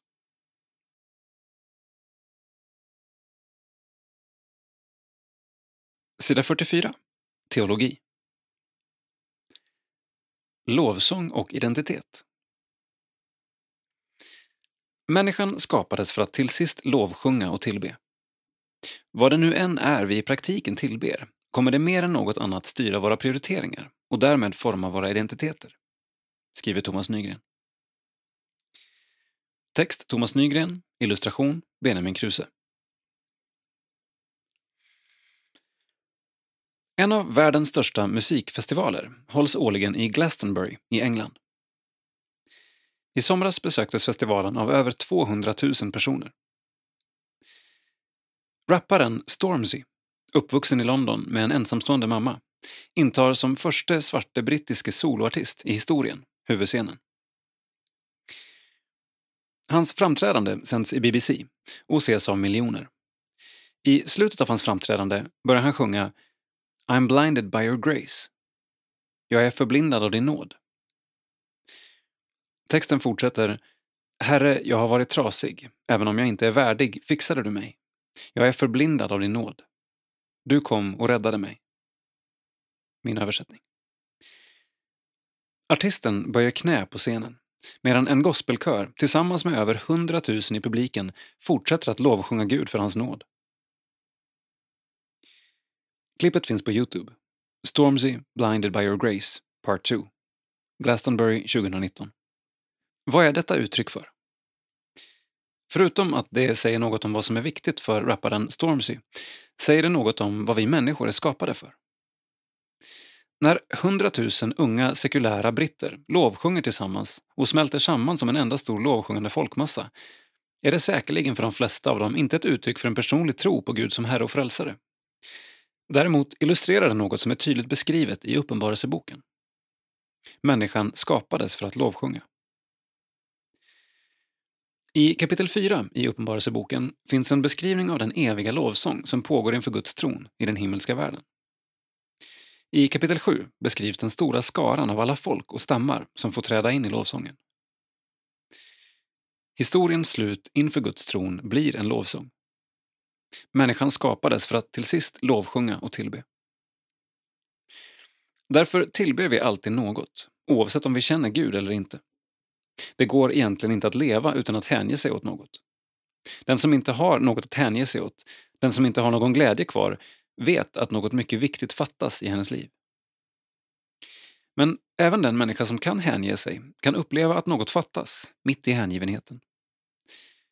Det beror på vad hon tillber, vad hon upphöjer. Vad tillber, upphöjer vi då? Oftast upphöjer vi inte saker eller beteenden som är uppenbart fel eller felaktiga. Det är inte ett dugg frestande för de flesta av oss. Däremot kan den fantastiska upplevelsen, den attraktiva människa jag vill ha som min, de vackra kläderna, den senaste teknikprylen som ska förändra mitt liv, den förföriskt goda maten och drycken, utöva en dragningskraft som är svår att motstå. Andra exempel på sådant vi i praktiken tillber kan vara vår egen förmåga, vår berömmelse, vår framgång. Eftersom det ofta handlar om goda saker som finns i skapelsen är de inte lätta att avslöja. Det är exempelvis helt legitimt att njuta av god mat och dryck och det är alldeles rätt att göra bruk av sin begåvning. Hur ska vi då upptäcka vad vi i praktiken tillber? Ett par testfrågor kan vara till hjälp. Följ dina pengar. Vad känns det inte alls jobbigt att lägga pengar på? Inte ens när din ekonomi egentligen inte mår bra av fler investeringar. Vad spenderar du pengar på utan att blinka? Följ din tidsanvändning. Vad har du alltid tid för, oavsett omständigheter? Vad det nu än är vi i praktiken lovsjunger, tillber, kommer det mer än något annat att styra våra prioriteringar och därmed forma våra identiteter. Det jag lovsjunger kommer jag att hoppas på. De flesta av oss kommer gång efter gång att erfara att det vi lovsjungit i längden faktiskt inte går att luta sig mot. Det kommer tvärtom att behöva vår stöttning. All lovsång som tillkommer skaparen, men som riktas till det skapade, blir till sist en lovsång som slutar i besvikelse. Vad ska vi då göra av vår falska lovsång? Den som riktas till det som ytterst sett inte håller att ha på våra livs lovsångstroner. I kapitel 5 i Uppenbarelseboken står det om sången som riktas till Lammet, Lammet som blev slaktat. Och med ditt blod har du friköpt åt Gud människor av alla stammar och språk och länder och folk. Vers 9. All vår falska lovsång till annat än Gud kan vi gå till honom med. Han har hanterat all falsk lovsång genom lammet som blev slaktat. Det finns förlåtelse och upprättelse även för våra värsta felprioriteringar. När det goda fått ta platsen för den gode, Gud själv. Stormzy med både kontroversiella låtar och ställningstaganden, så typiska för många rappare, samt antagligen de vanliga problemen med självförgudning som följer av att vara idol för många, ödmjukar sig och faller på knä för Gud inför en miljonpublik och stämmer in i den lovsång som i evigheten pågår inför Guds tron. Är inte den lovsången också något för dig och mig? Sida 48 kultur, läsning. Kyrka i nytt landskap. Vilket är den lokala församlingens vi? Vilken är dess identitet? Vad kännetecknar dess liv? Bland annat dessa tre frågor besvarar Stockholms nye biskop Andreas Holmberg i sin avhandling. Text Stefan Holmström. Bild Magnus Aronsson. Ikon. Kyrka i nytt landskap.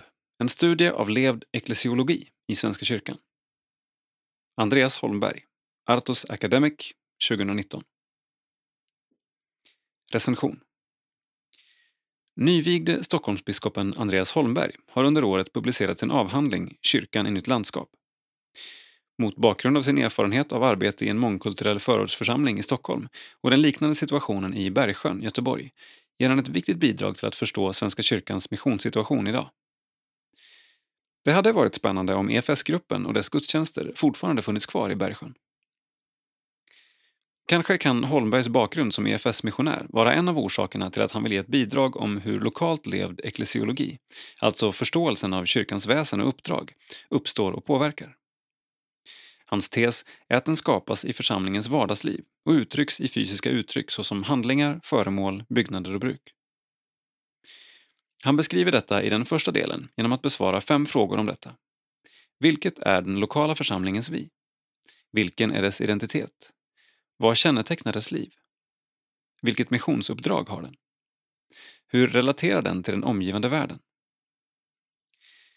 I den andra delen resonerar han sedan om hur detta lokala liv och dess praktiska teologi påverkar Svenska kyrkans eklesiologi. Genom den utmärkta sammanfattningen på engelska i slutet av boken får läsaren en snabbguide till innehållet. Sedan kan man utifrån intresse lätt bläddra tillbaka och läsa mer ingående om underlag och resonemang bakom många slutsatser som har bäring på vad det är att vara kyrka i en missionssituation idag. Här finns endast plats att nämna några insikter som är värdefulla, till exempel för EFS som missionsrörelse i Svenska kyrkan. Holmgren resonerar om betydelsen av församlingens vi, det vill säga den konkreta sociala församlingsgemenskapen. Han hävdar att rädslan för isolering och exklusivitet är onödig och att gemenskapen mellan människor är viktig. Han myntar begreppet pankristen gemenskap för att beskriva dessa ekumeniska och mångkulturella församlingsgemenskaper som lever inom Svenska kyrkans lutherska ram. Det låter som en beskrivning av många lokala EFS-sammanhang. Mission tar sig uttryck i välkomnande av människor av annan tro, en förkunnelse av evangelium utan att uttryckligen vilja omvända människor och mångfacetterad diakoni. Detta gästfria förhållningssätt är orsaken till att det inte är ovanligt att människor konverterar till kristen tro i Svenska kyrkans sammanhang. Här finns anledning för oss i EFS att lyssna. Vi som både vill tala tydligt om att mission handlar om att kalla till personlig tro på Kristus och leva i öppenhet och tjänst mot människor. Beskrivningen av hur församlingen i den röriga mångfalden rör sig från trygghet till kaos, men också från kontroll till förtröstan, låter hoppingivande. Boken är väl värd att läsa för den som är med och bygger församling och är praktiskt användbar trots att det är en teologisk avhandling. Där har Holmberg lyckats med sin avsikt. Jag saknar resonemang kring nya sätt att vara kyrka. Något som är, men borde vara, ännu mer uppmärksammat i Svenska kyrkan idag. Nu får man istället gå till de utmärkta sammanfattningar av denna missionpraktik som finns i ärkebiskopens teologiska sekreterare Jakob Virens bok från förra året. Utmaningsdriven undervisning. Hur kyrkan kan dela tro och liv idag. Verbums förlag. Lita på att det ljusnar. Som författare, pastor, föreläsare och krönikör har Thomas Sjödin blivit ett väldigt uppskattat namn. Nu är han aktuell med nya boken Lita på att det ljusnar. Text Jakob Arvidsson. Lita på att det ljusnar. Thomas Sjödin. Libris förlag 2019. Ända sedan 1997 har Thomas Sjödin varit krönikör i Göteborgs-Posten och den senaste boken Lita på att det ljusnar samlar ett 60-tal av hans senaste krönikor. Utöver det har han bland annat sommarpratat i P1 två gånger och varit med som vinterpratare i P1 hela sex gånger. Sjödin är på många sätt unik med att som kristen nå ut så brett med sitt viktiga, varma och hoppfulla tilltal. Mitt motto har blivit att alltid försöka skriva uppriktigt, men aldrig utan att tillföra lite hopp. Jag försöker skriva med vanliga ord och inte använda mig av ett religiöst språk. Men det finns evangelietrådar att hitta överallt i mina texter. Ibland är det lite som att jag viskar fram mitt budskap, vilket inte behöver bli otydligare än ett rop. Faktiskt snarare tvärtom. När man säger något riktigt viktigt sänker man ju ofta rösten, säger Sjödin. Hans krönikor är bland det som läses mest i Göteborgs-Posten, GP. Och i stort sett varje gång han går på stadens gator kommer någon fram och tackar honom för det han skrivit. Det är såklart väldigt uppmuntrande att få ha den kontakten med läsarna. Krönikorna är bland det roligaste jag har. Hela min personlighet påminner nog mycket om en krönika. Jag gillar det här med att dela en tanke ganska fort och kvickt utan att behöva försvara den åt alla håll, säger han. Sjödin har ingen särskild målgrupp när han skriver. Hans erfarenhet är snarare att man träffar ganska brett av bara farten om man skriver om vanliga mänskliga erfarenheter. Någon målgrupp har aldrig existerat i min värld. Jag skriver om det som skälver och vibrerar inom mig, det som får det att brinna till. Om man skriver utifrån det så kommer texten hitta sina läsare. Risken med att tänka målgrupp är att sikta så mycket på en tänkt person eller grupp att det blir för smalt. Just titeln på boken, Lita på att det ljusnar, är också rubriken för en av krönikorna i boken, som efter publiceringen i GP blev den mest delade texten i Sverige på sociala medier, alla kategorier, under ett dygn. Och just ljuset, hoppet och framtidstron är något som är återkommande när Sjödin skriver. Jag är en morgonmänniska och allt jag skriver tillkommer i gryningen, före frukost. Jag tror att det helt klart sätter sin prägel på mina texter. De föds i övergången mellan mörker och ljus och det finns något hoppfullt i att få följa hur ljuset varsamt och gradvis segrar över mörkret. Varje morgon är som en förkunnelse där ljuset visar mörkret var skåpet ska stå och alltid segrar, säger Sjödin.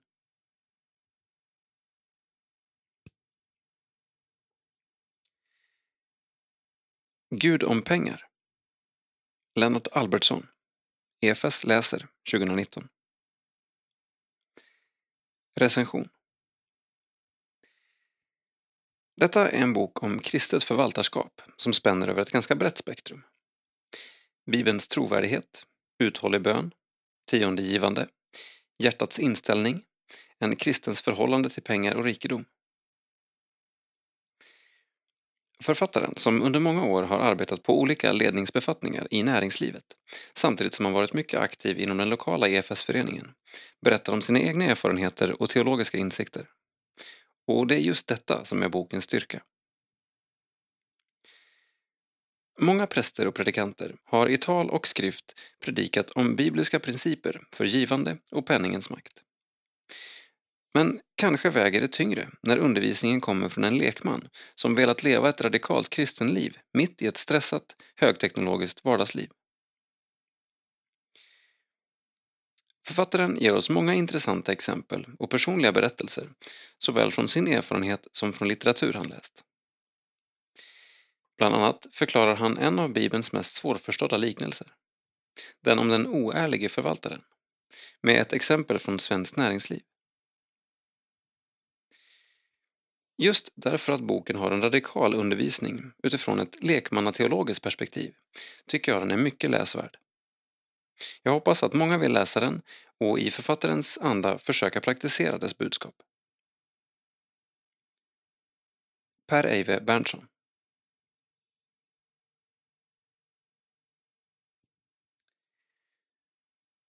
Lilla Nej-boken Sara Sjögren Illustratör Anna Forsmark Libris förlag 2018 Boktips Denna bok riktar sig till 3-6-åringar och berättar på ett tilltalande sätt om ett svårt ämne, nämligen konsten att lära barn sätta gränser. Är det okej okay att säga nej när kompisen vill kramas? Vad ska man göra när någon är elak?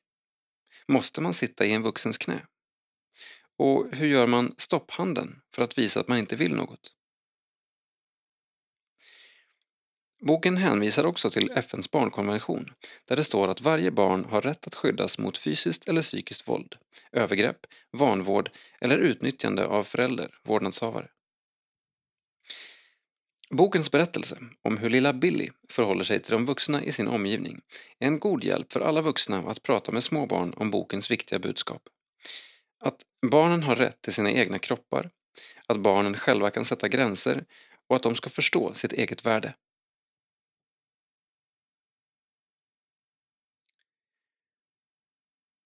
Mina bibliska stora systrar. Glimtar från Gamla testamentet.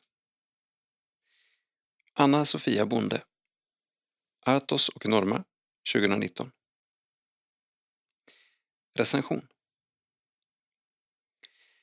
I boken Mina bibliska stora systrar har prästen, läraren och författaren Anna Sofia Bonde samlat ett knippe porträtt av gammaltestamentliga kvinnogestalter. Bokens undertitel är Glimtar från Gamla testamentet och det säger ganska väl vad det handlar om. För det är kanske inte egentligen några porträtt. Det är snarare reflektioner utifrån det som berättas om ett gäng bibliska tanter, för att citera författarens egen formulering. Några av dem som behandlas är välkända. Eva, Sara, Hagar. Andra är mindre kända. Shifra och Pua, andeskåderskan i Endor, Gomer. Tillsammans är det berättelser om 13 kvinnliga personer som får vara utgångspunkt för Bondes reflektioner. De flesta nämns vid namn, några är anonyma men lika verkliga. Bondes styrka är inte minst hennes förmåga att relatera de gamla texterna till vår egen tid. Och många gånger slås jag av hennes iakttagelser och paralleller. På tal om Eva noterar hon att bön är något som människan lär sig utanför paradiset. På tal om Hagar och hennes son Ismael anmärker hon att alternativet att inte välja vilken gud man följer egentligen inte finns. På tal om Lots hustru, hon som vänder sig om trots Guds stränga tillsägelse att inte göra det, påpekar hon att nostalgi kan vara dödlig. Ju längre boken framskrider, desto tydligare blir Bondes kopplingar till frågor i vår egen tid och i vårt eget svenska sammanhang. Flera av de senare texterna i samlingen är mer kyrkokritiska och samhällskritiska än de avsnitt som inleder boken. Hon talar i förordet om hur hon speglar sig själv i dem hon berättar om. Och så är det. Men speglingen är vidare än så. Den gäller i hög grad samtiden och dagens kyrka. Här finns spännande och utmanande tankar om samvetsfrihet, abort och dödshjälp. Och här återfinns genomtänkta synpunkter på äktenskap, trohet och oskuld. Anna-Sofia Bonde skriver rappt, men inte ytligt. Hon skriver kunnigt, men inte krångligt. Hon skriver engagerat och befriande provokativt. Hon tydliggör var hon själv står i många frågor när hon låter tankarna löpa i mötet med de bibliska kvinnorna. Hon har helt enkelt gett oss en samling högst läs och tänkvärda glimtar från Gamla testamentets kvinnovärld. Lars-Olof Eriksson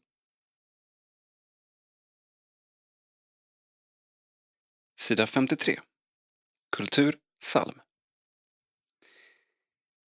103 Bereden väg för Herran Bereden väg för Herran Berg sjunken, djup stån upp. Han kommer, han som fjärran var sedd av fädrens hopp. Rättfärdighetens förste, av Davids hus den störste. Välsignad vare han som kom i Herrens namn.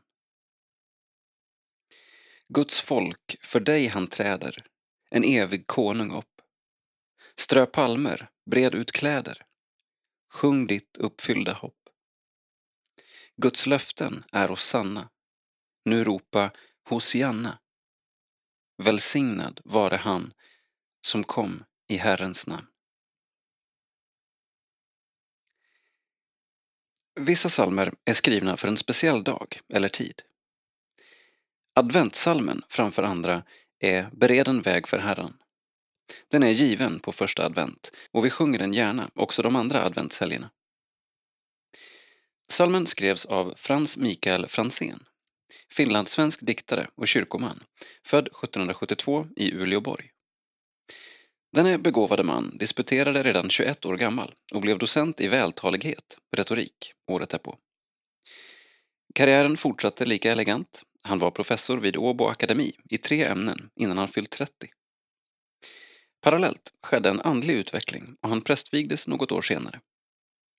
För sin diktning valdes han in i Svenska Akademien.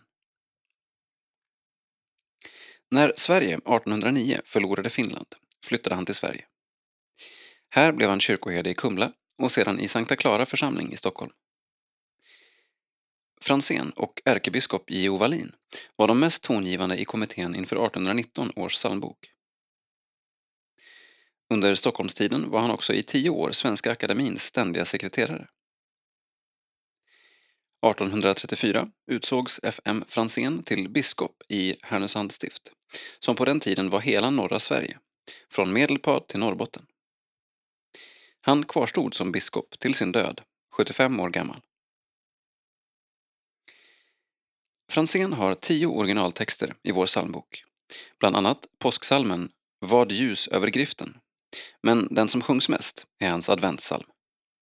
Texten är nästan som ett bibelstudium som fångar upp olika texter om Messias. Den startar i profetian Bana väg för Herren i Jesaja 40 och 3, fortsätter med Jesu intåg i Jerusalem Vidare till uppmaningen i Psaltaren 24 om att öppna portarna på vid gavel.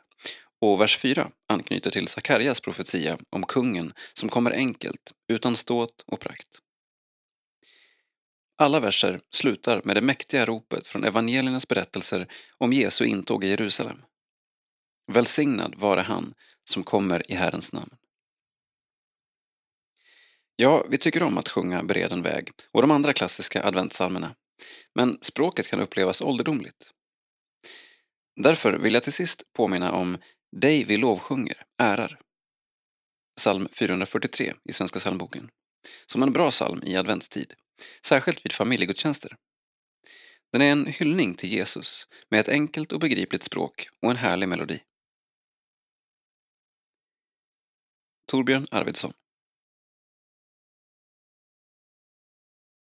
Sida 55 Info. Kalendarium, information, kungörelser, sociala medier och mycket mer som rör EFS och SALT. Har du frågor? Kontakta oss på budis efs.nu. På gång. 30 november, Åsljunga. Julmarknad på EFS-gården Åsljunga. 30 november, Staffanstorp. Gemenskapskväll i EFS Betania. 2 december, Höllvikstrand. Adventsretreat, EFS-gården Höllvikstrand. 23 december, Åsljunga. Julfirande, EFS-gården Åsljunga. 28 december till 1 januari i Uppsala, Umeå och Älvsbyn. Livskraftläger.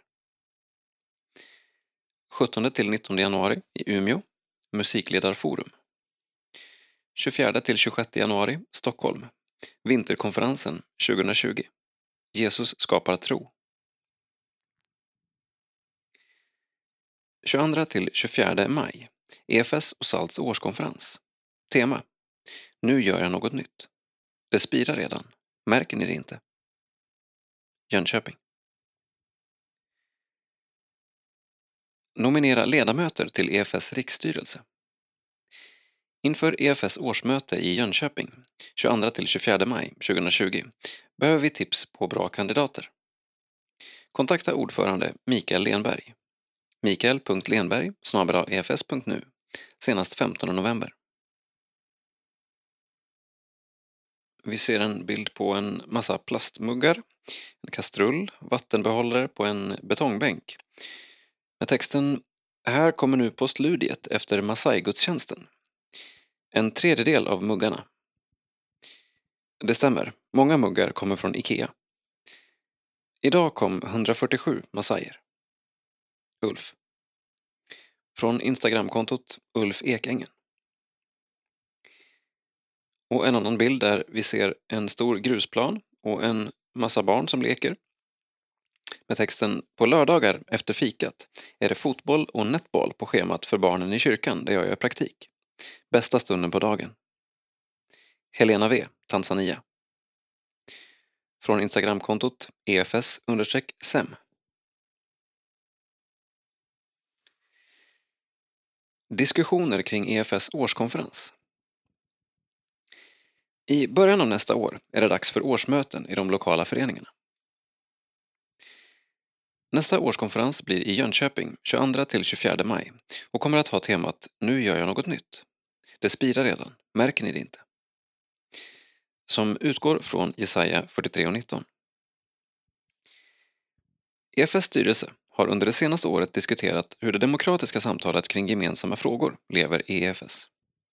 Det har kommit olika förslag på arbetssätt och ett av dem handlar om att de regionala utskotten och de regionala mötesplatserna skulle kunna vara bra forum för fler samtal. En möjlighet som finns redan nu är att inför årsmötet 2020 föra fler samtal i föreningarna kring inkomna motioner och styrelseval. Vi tycker att det är viktigt att vi får påminna varandra om att ombuden representerar hela föreningen och inte sig själva.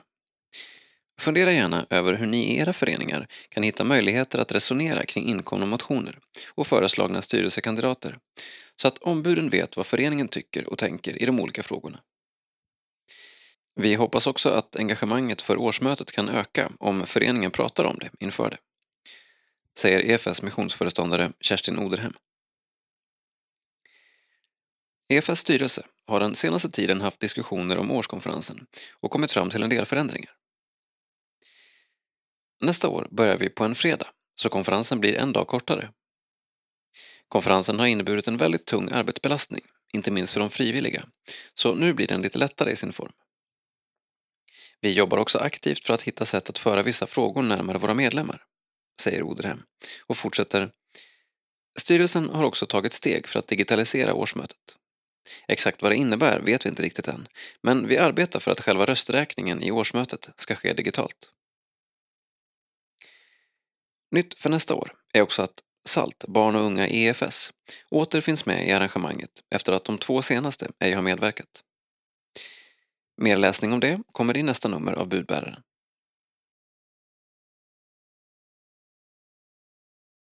Sida 57. Info insamling. Hallå där, Joakim Hector. Rektor vid Glimåkra folkhögskola som nyligen firade 60-årsjubileum.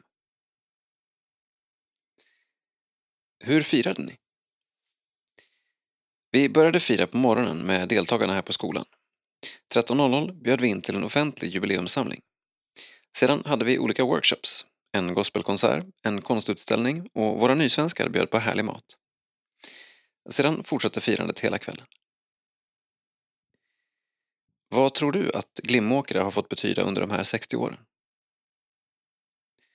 Det är svårt att mäta effekten, men i mötet med människor som är här eller har varit här så får man ofta höra berättelser om hur mycket skolan har betytt. För den som inte vet så mycket om er, vad präglar Glimåkra folkhögskola? Vår gospellinje har varit ledande i Sverige på många sätt i 25 år. Vi har också en mångfald av människor som går här och det skapar verkligen en berikande och spännande miljö att vara i. Efterlyses till EFS rikskansli söker vi gammalt DUF eller EFS-porslin. Tallrikar, assietter, koppar och fat.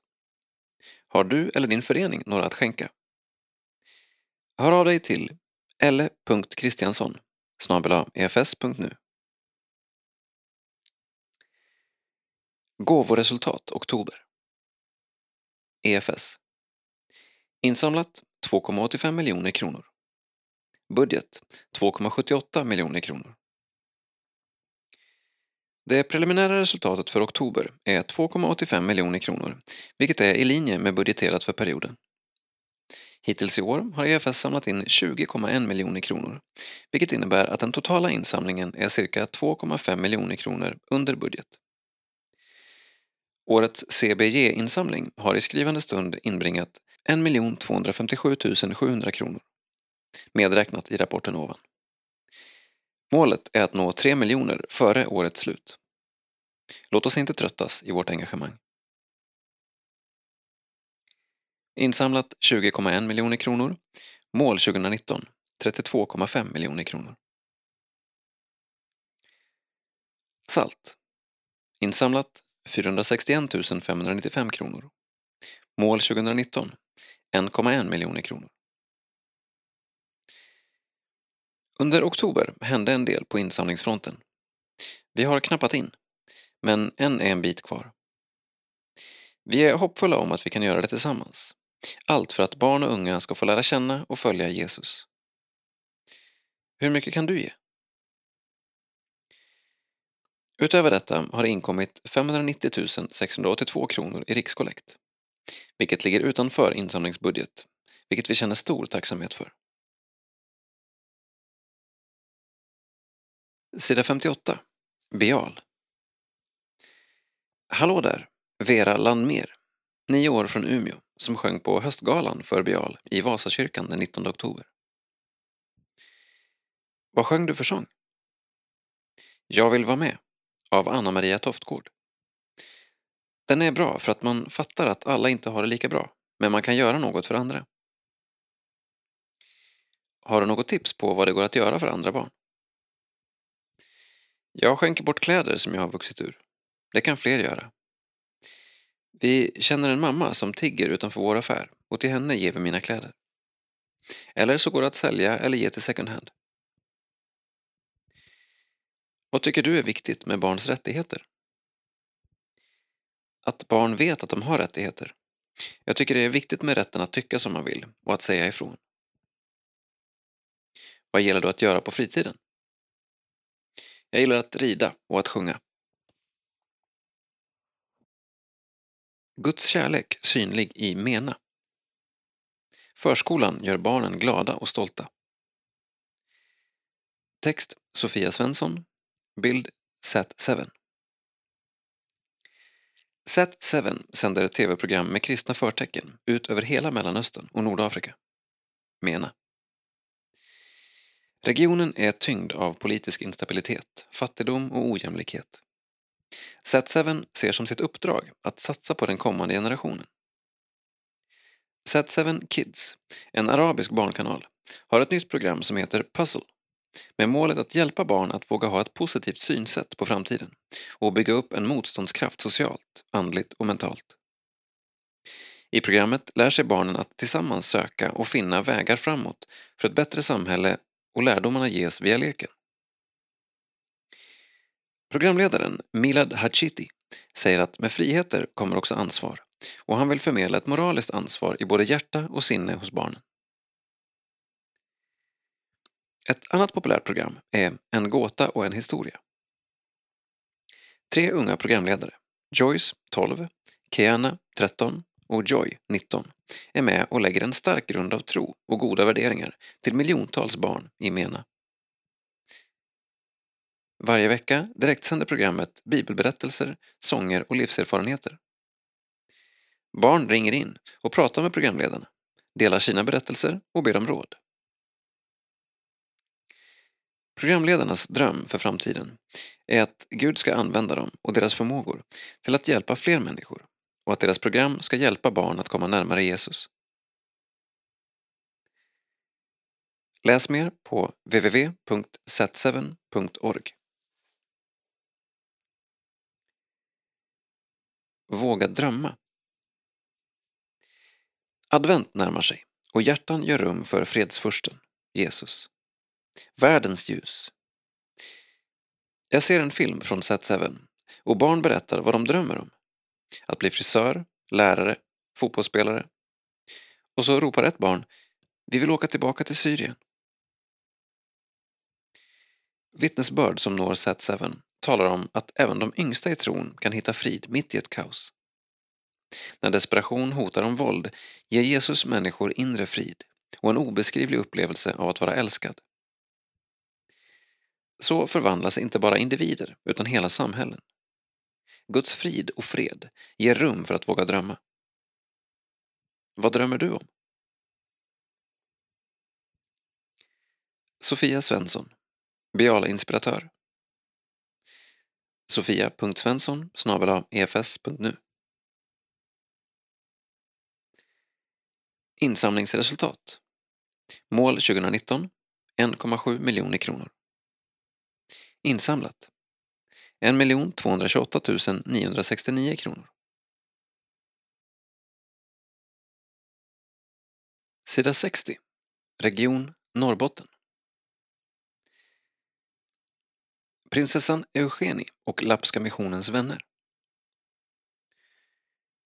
Nystartade EFS Sápmi bjöd på ett intressant föredrag om 1800-talsväckelsens helhjärtade engagemang för samerna genom Lappska missionens vänner och prinsessan Eugenie.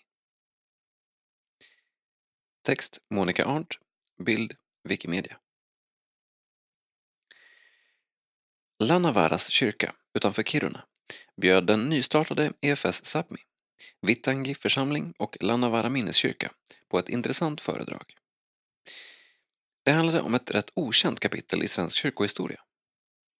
1800-talsväckelsens tydliga och helhjärtade engagemang för samerna genom Lappska missionens vänner och prinsessan Eugenie.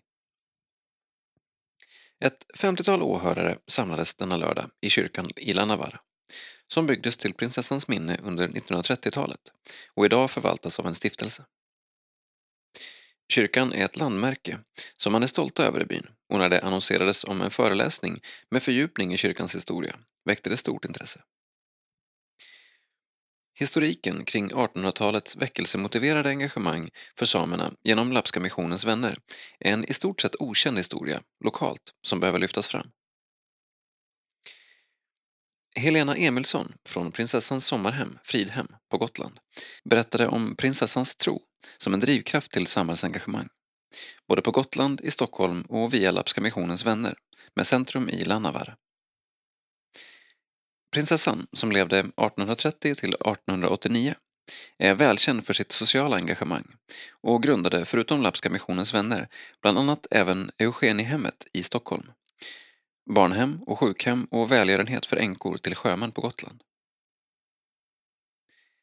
Lappska missionens vänner bedrev missionsskola för samiska barn i Lannavaara från 1883 till 1916. Skolan hade en mycket hög både utbildningsnivå och social omsorg om samerna i området. Prinsessan engagerade sig personligen i utbildningen och förhållandena i Lannavaara. Den här perioden inom utbildningen för de samiska barnen har hamnat i skymundan av de missförhållanden som sedan följde. Från 1917 tog Kiruna kommun över undervisningen och det statliga utbildningsprogrammet för samerna fick genomslag. Detta medförde en stor försämring i utbildningsnivå och omfattande orättvisor både socialt och kulturellt. Kring detta pågår nu ett omfattande försoningsarbete, bland annat genom den så kallade vitboken. Prinsessan Eugenie var prinsessa i Sverige och Norge och var dotter till kung Oscar I. Hon var varmt troende och kom in i kretsen kring baron Radstock, en engelsk adelsman som var central vid en väckelse i överklassen, den så kallade Stockholmsväckelsen.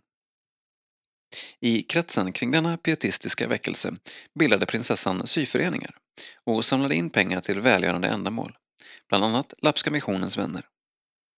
Hon var också känd för att sälja stora delar av sina personliga smycken och arv för att bekosta sociala insatser. I denna krets fanns också hennes personliga vänner Lina Sandell och Jenny Nyström, anställda inom EFS. Där fanns också Axel Rappe, generallöjtnant för Lantförsvarsdepartementet och ordförande för EFS och även Lapska missionens vänner. Denna koppling till EFS och att det fanns goda historiska rötter kring utbildningen som inte var kopplade till staten utan till Lapska missionens vänner var något som var nytt för många av åhörarna och som väckte intresse och entusiasm.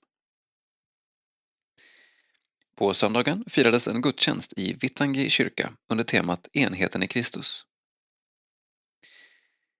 Henrik Näslund, missionsledare för EFS Norrbotten, ledde kommunionen Församlingsherde Jean-Claude Markley predikade och Maria Smeds sjöng tillsammans med ett lovsångsteam från Kiruna.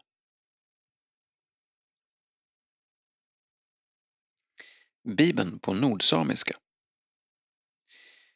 I slutet av augusti lanserades en ny bibelöversättning på nordsamiska i Kautiokeino, Norge och i oktober mottogs den offentligt i Sverige av Luleå stifts biskop Åsa Nyström.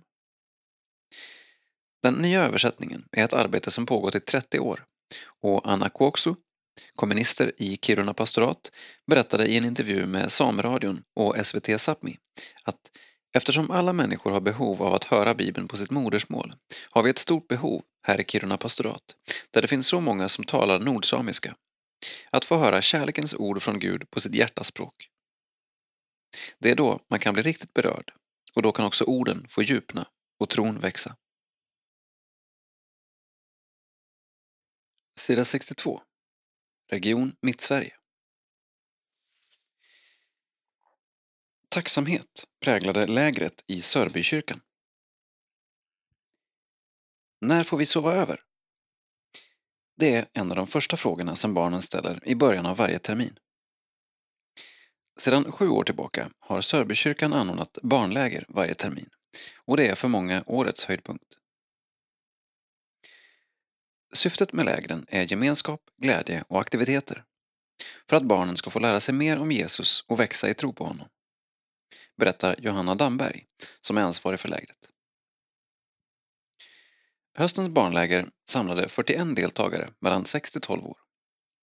Utifrån temat tacksamhet anordnades samlingar, sång, drama, lägerbål, tacos med mera. Som en del av lägret deltog deltagarna i Aktion julklappen då det slogs in en mängd paket som sändes till barn i Östeuropa via Läkarmissionen.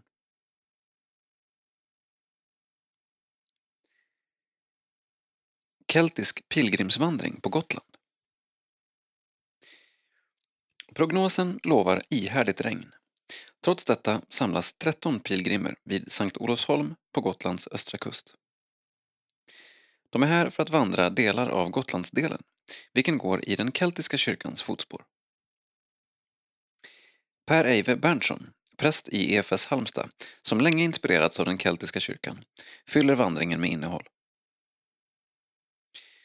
Det blev för mig en givande eftertanke att i varje etapp både trotsa och anpassa livets pilgrimsvandring utifrån förutsättningarna, säger Maria Smeds, en av arrangörerna, och fortsätter att släppa och hålla fast.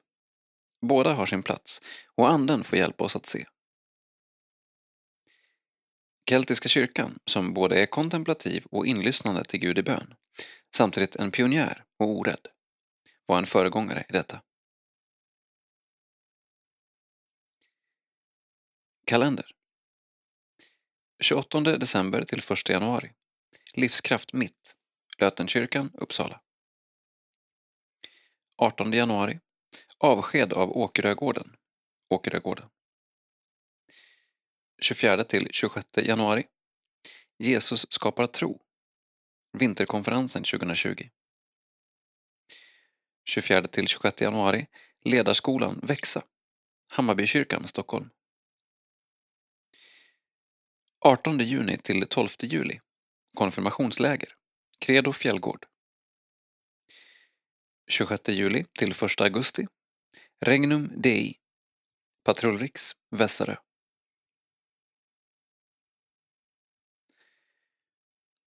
En epok går i graven. Allt har sin tid, säger predikaren i Bibeln. Allt har en början, men allt har också ett slut. Att inse att det är så kan vara både smärtsamt och ledsamt, men också befriande. Nu har tiden kommit att EFS Mittsverige inte längre kan fortsätta att driva Åkerögården som tidigare. Efter att ha kämpat under många år med att få ekonomin i balans och att hitta nya vägar för att driva verksamheten så krävdes att ett nytt beslut måste tas. I en ny tid har kraven på gården förändrats och i takt med att det blivit allt svårare att få ideella krafter att engagera sig samtidigt som efterfrågan från föreningarna på att använda gården minskat så har beslutet mognat fram. Åkerögården har betytt mycket för många människor under årens lopp. Berättelserna är många. Oförglömliga lägerupplevelser, livslånga vänskapsrelationer har skapats. En del har hittat kärleken här som lett till äktenskap Många har funnit en stillhet och hämtat kraft i den fina Roslagsmiljön. Andra har fått ta emot tron här för första gången och många har sett att tron har fått växtkraft här. Ända sedan 1937 har Åkeragården varit i EFS ägo.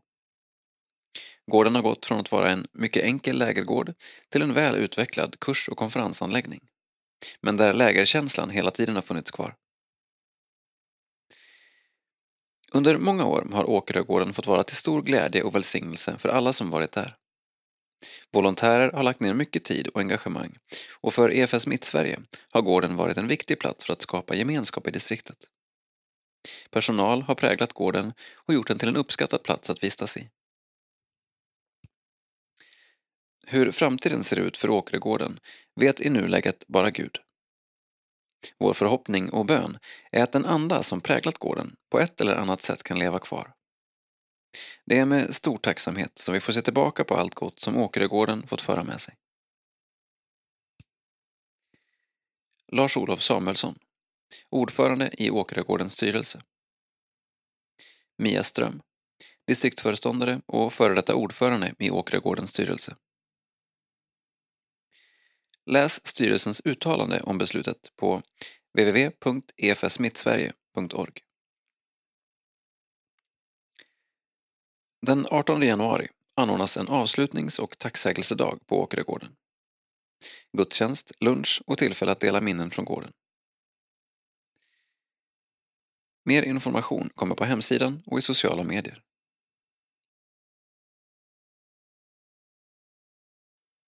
Sida 64 Nytt i livet Avlidna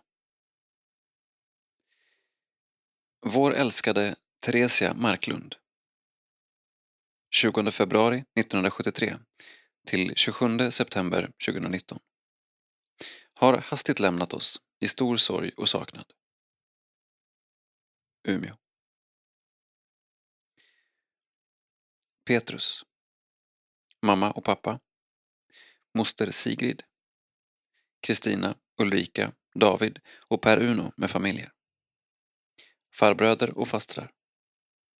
Kusiner med familjer. Släkt och många vänner. Du omsluter mig på alla sidor och håller mig i din hand. Tess, du finns alltid kvar i våra hjärtan. Begravningen har ägt rum.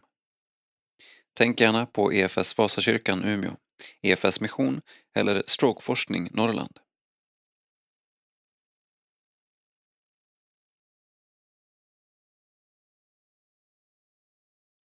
Sida 65. Krönika. Som kristna är vi tänkta att leva i gemenskap med varandra, skriver Johanna Björkman. Vad ger det mig? Jag tycker om att samla på berättelser. Det kan vara sånt jag läser eller något som någon berättar. Kanske har det att göra med att en berättelse ibland kan vara tydligare i sin karaktär än om man skulle försöka säga det med ord. En sådan berättelse läste jag, förmodligen i någon andaktsbok, redan i konfirmationsåldern. Det handlar om en pastor som känner oro för en församlingsmedlem som inte längre kommer på gudstjänst. Pastorn gör därför ett hembesök till denne tystlåtne man och välkomnas in i stugvärmen. De två männen sätter sig i tystnad på varsin stol framför en brasa. Efter en stund lutar sig pastorn fram och petar ur ett vedträ från brasan. Vedträet hamnar en bit från brasan och brinner ett tag till innan det slutligen slocknar. När pastorn efter ytterligare en stund reser sig för att gå säger mannen Tack för predikan, pastorn.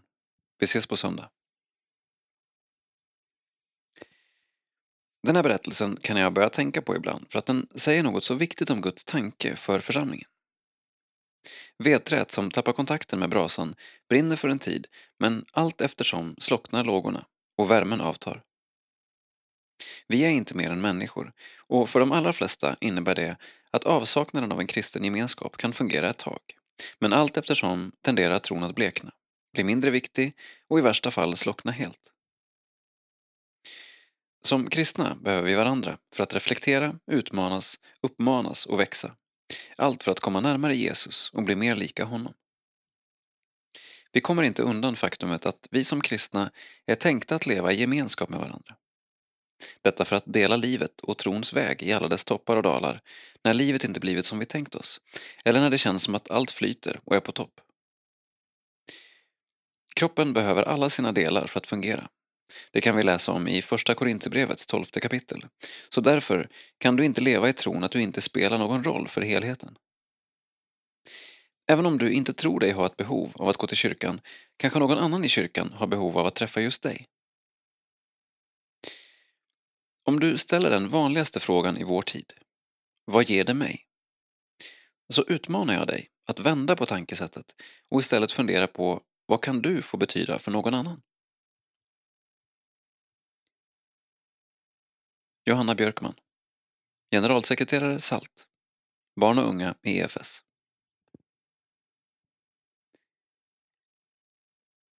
Tack för att du har lyssnat.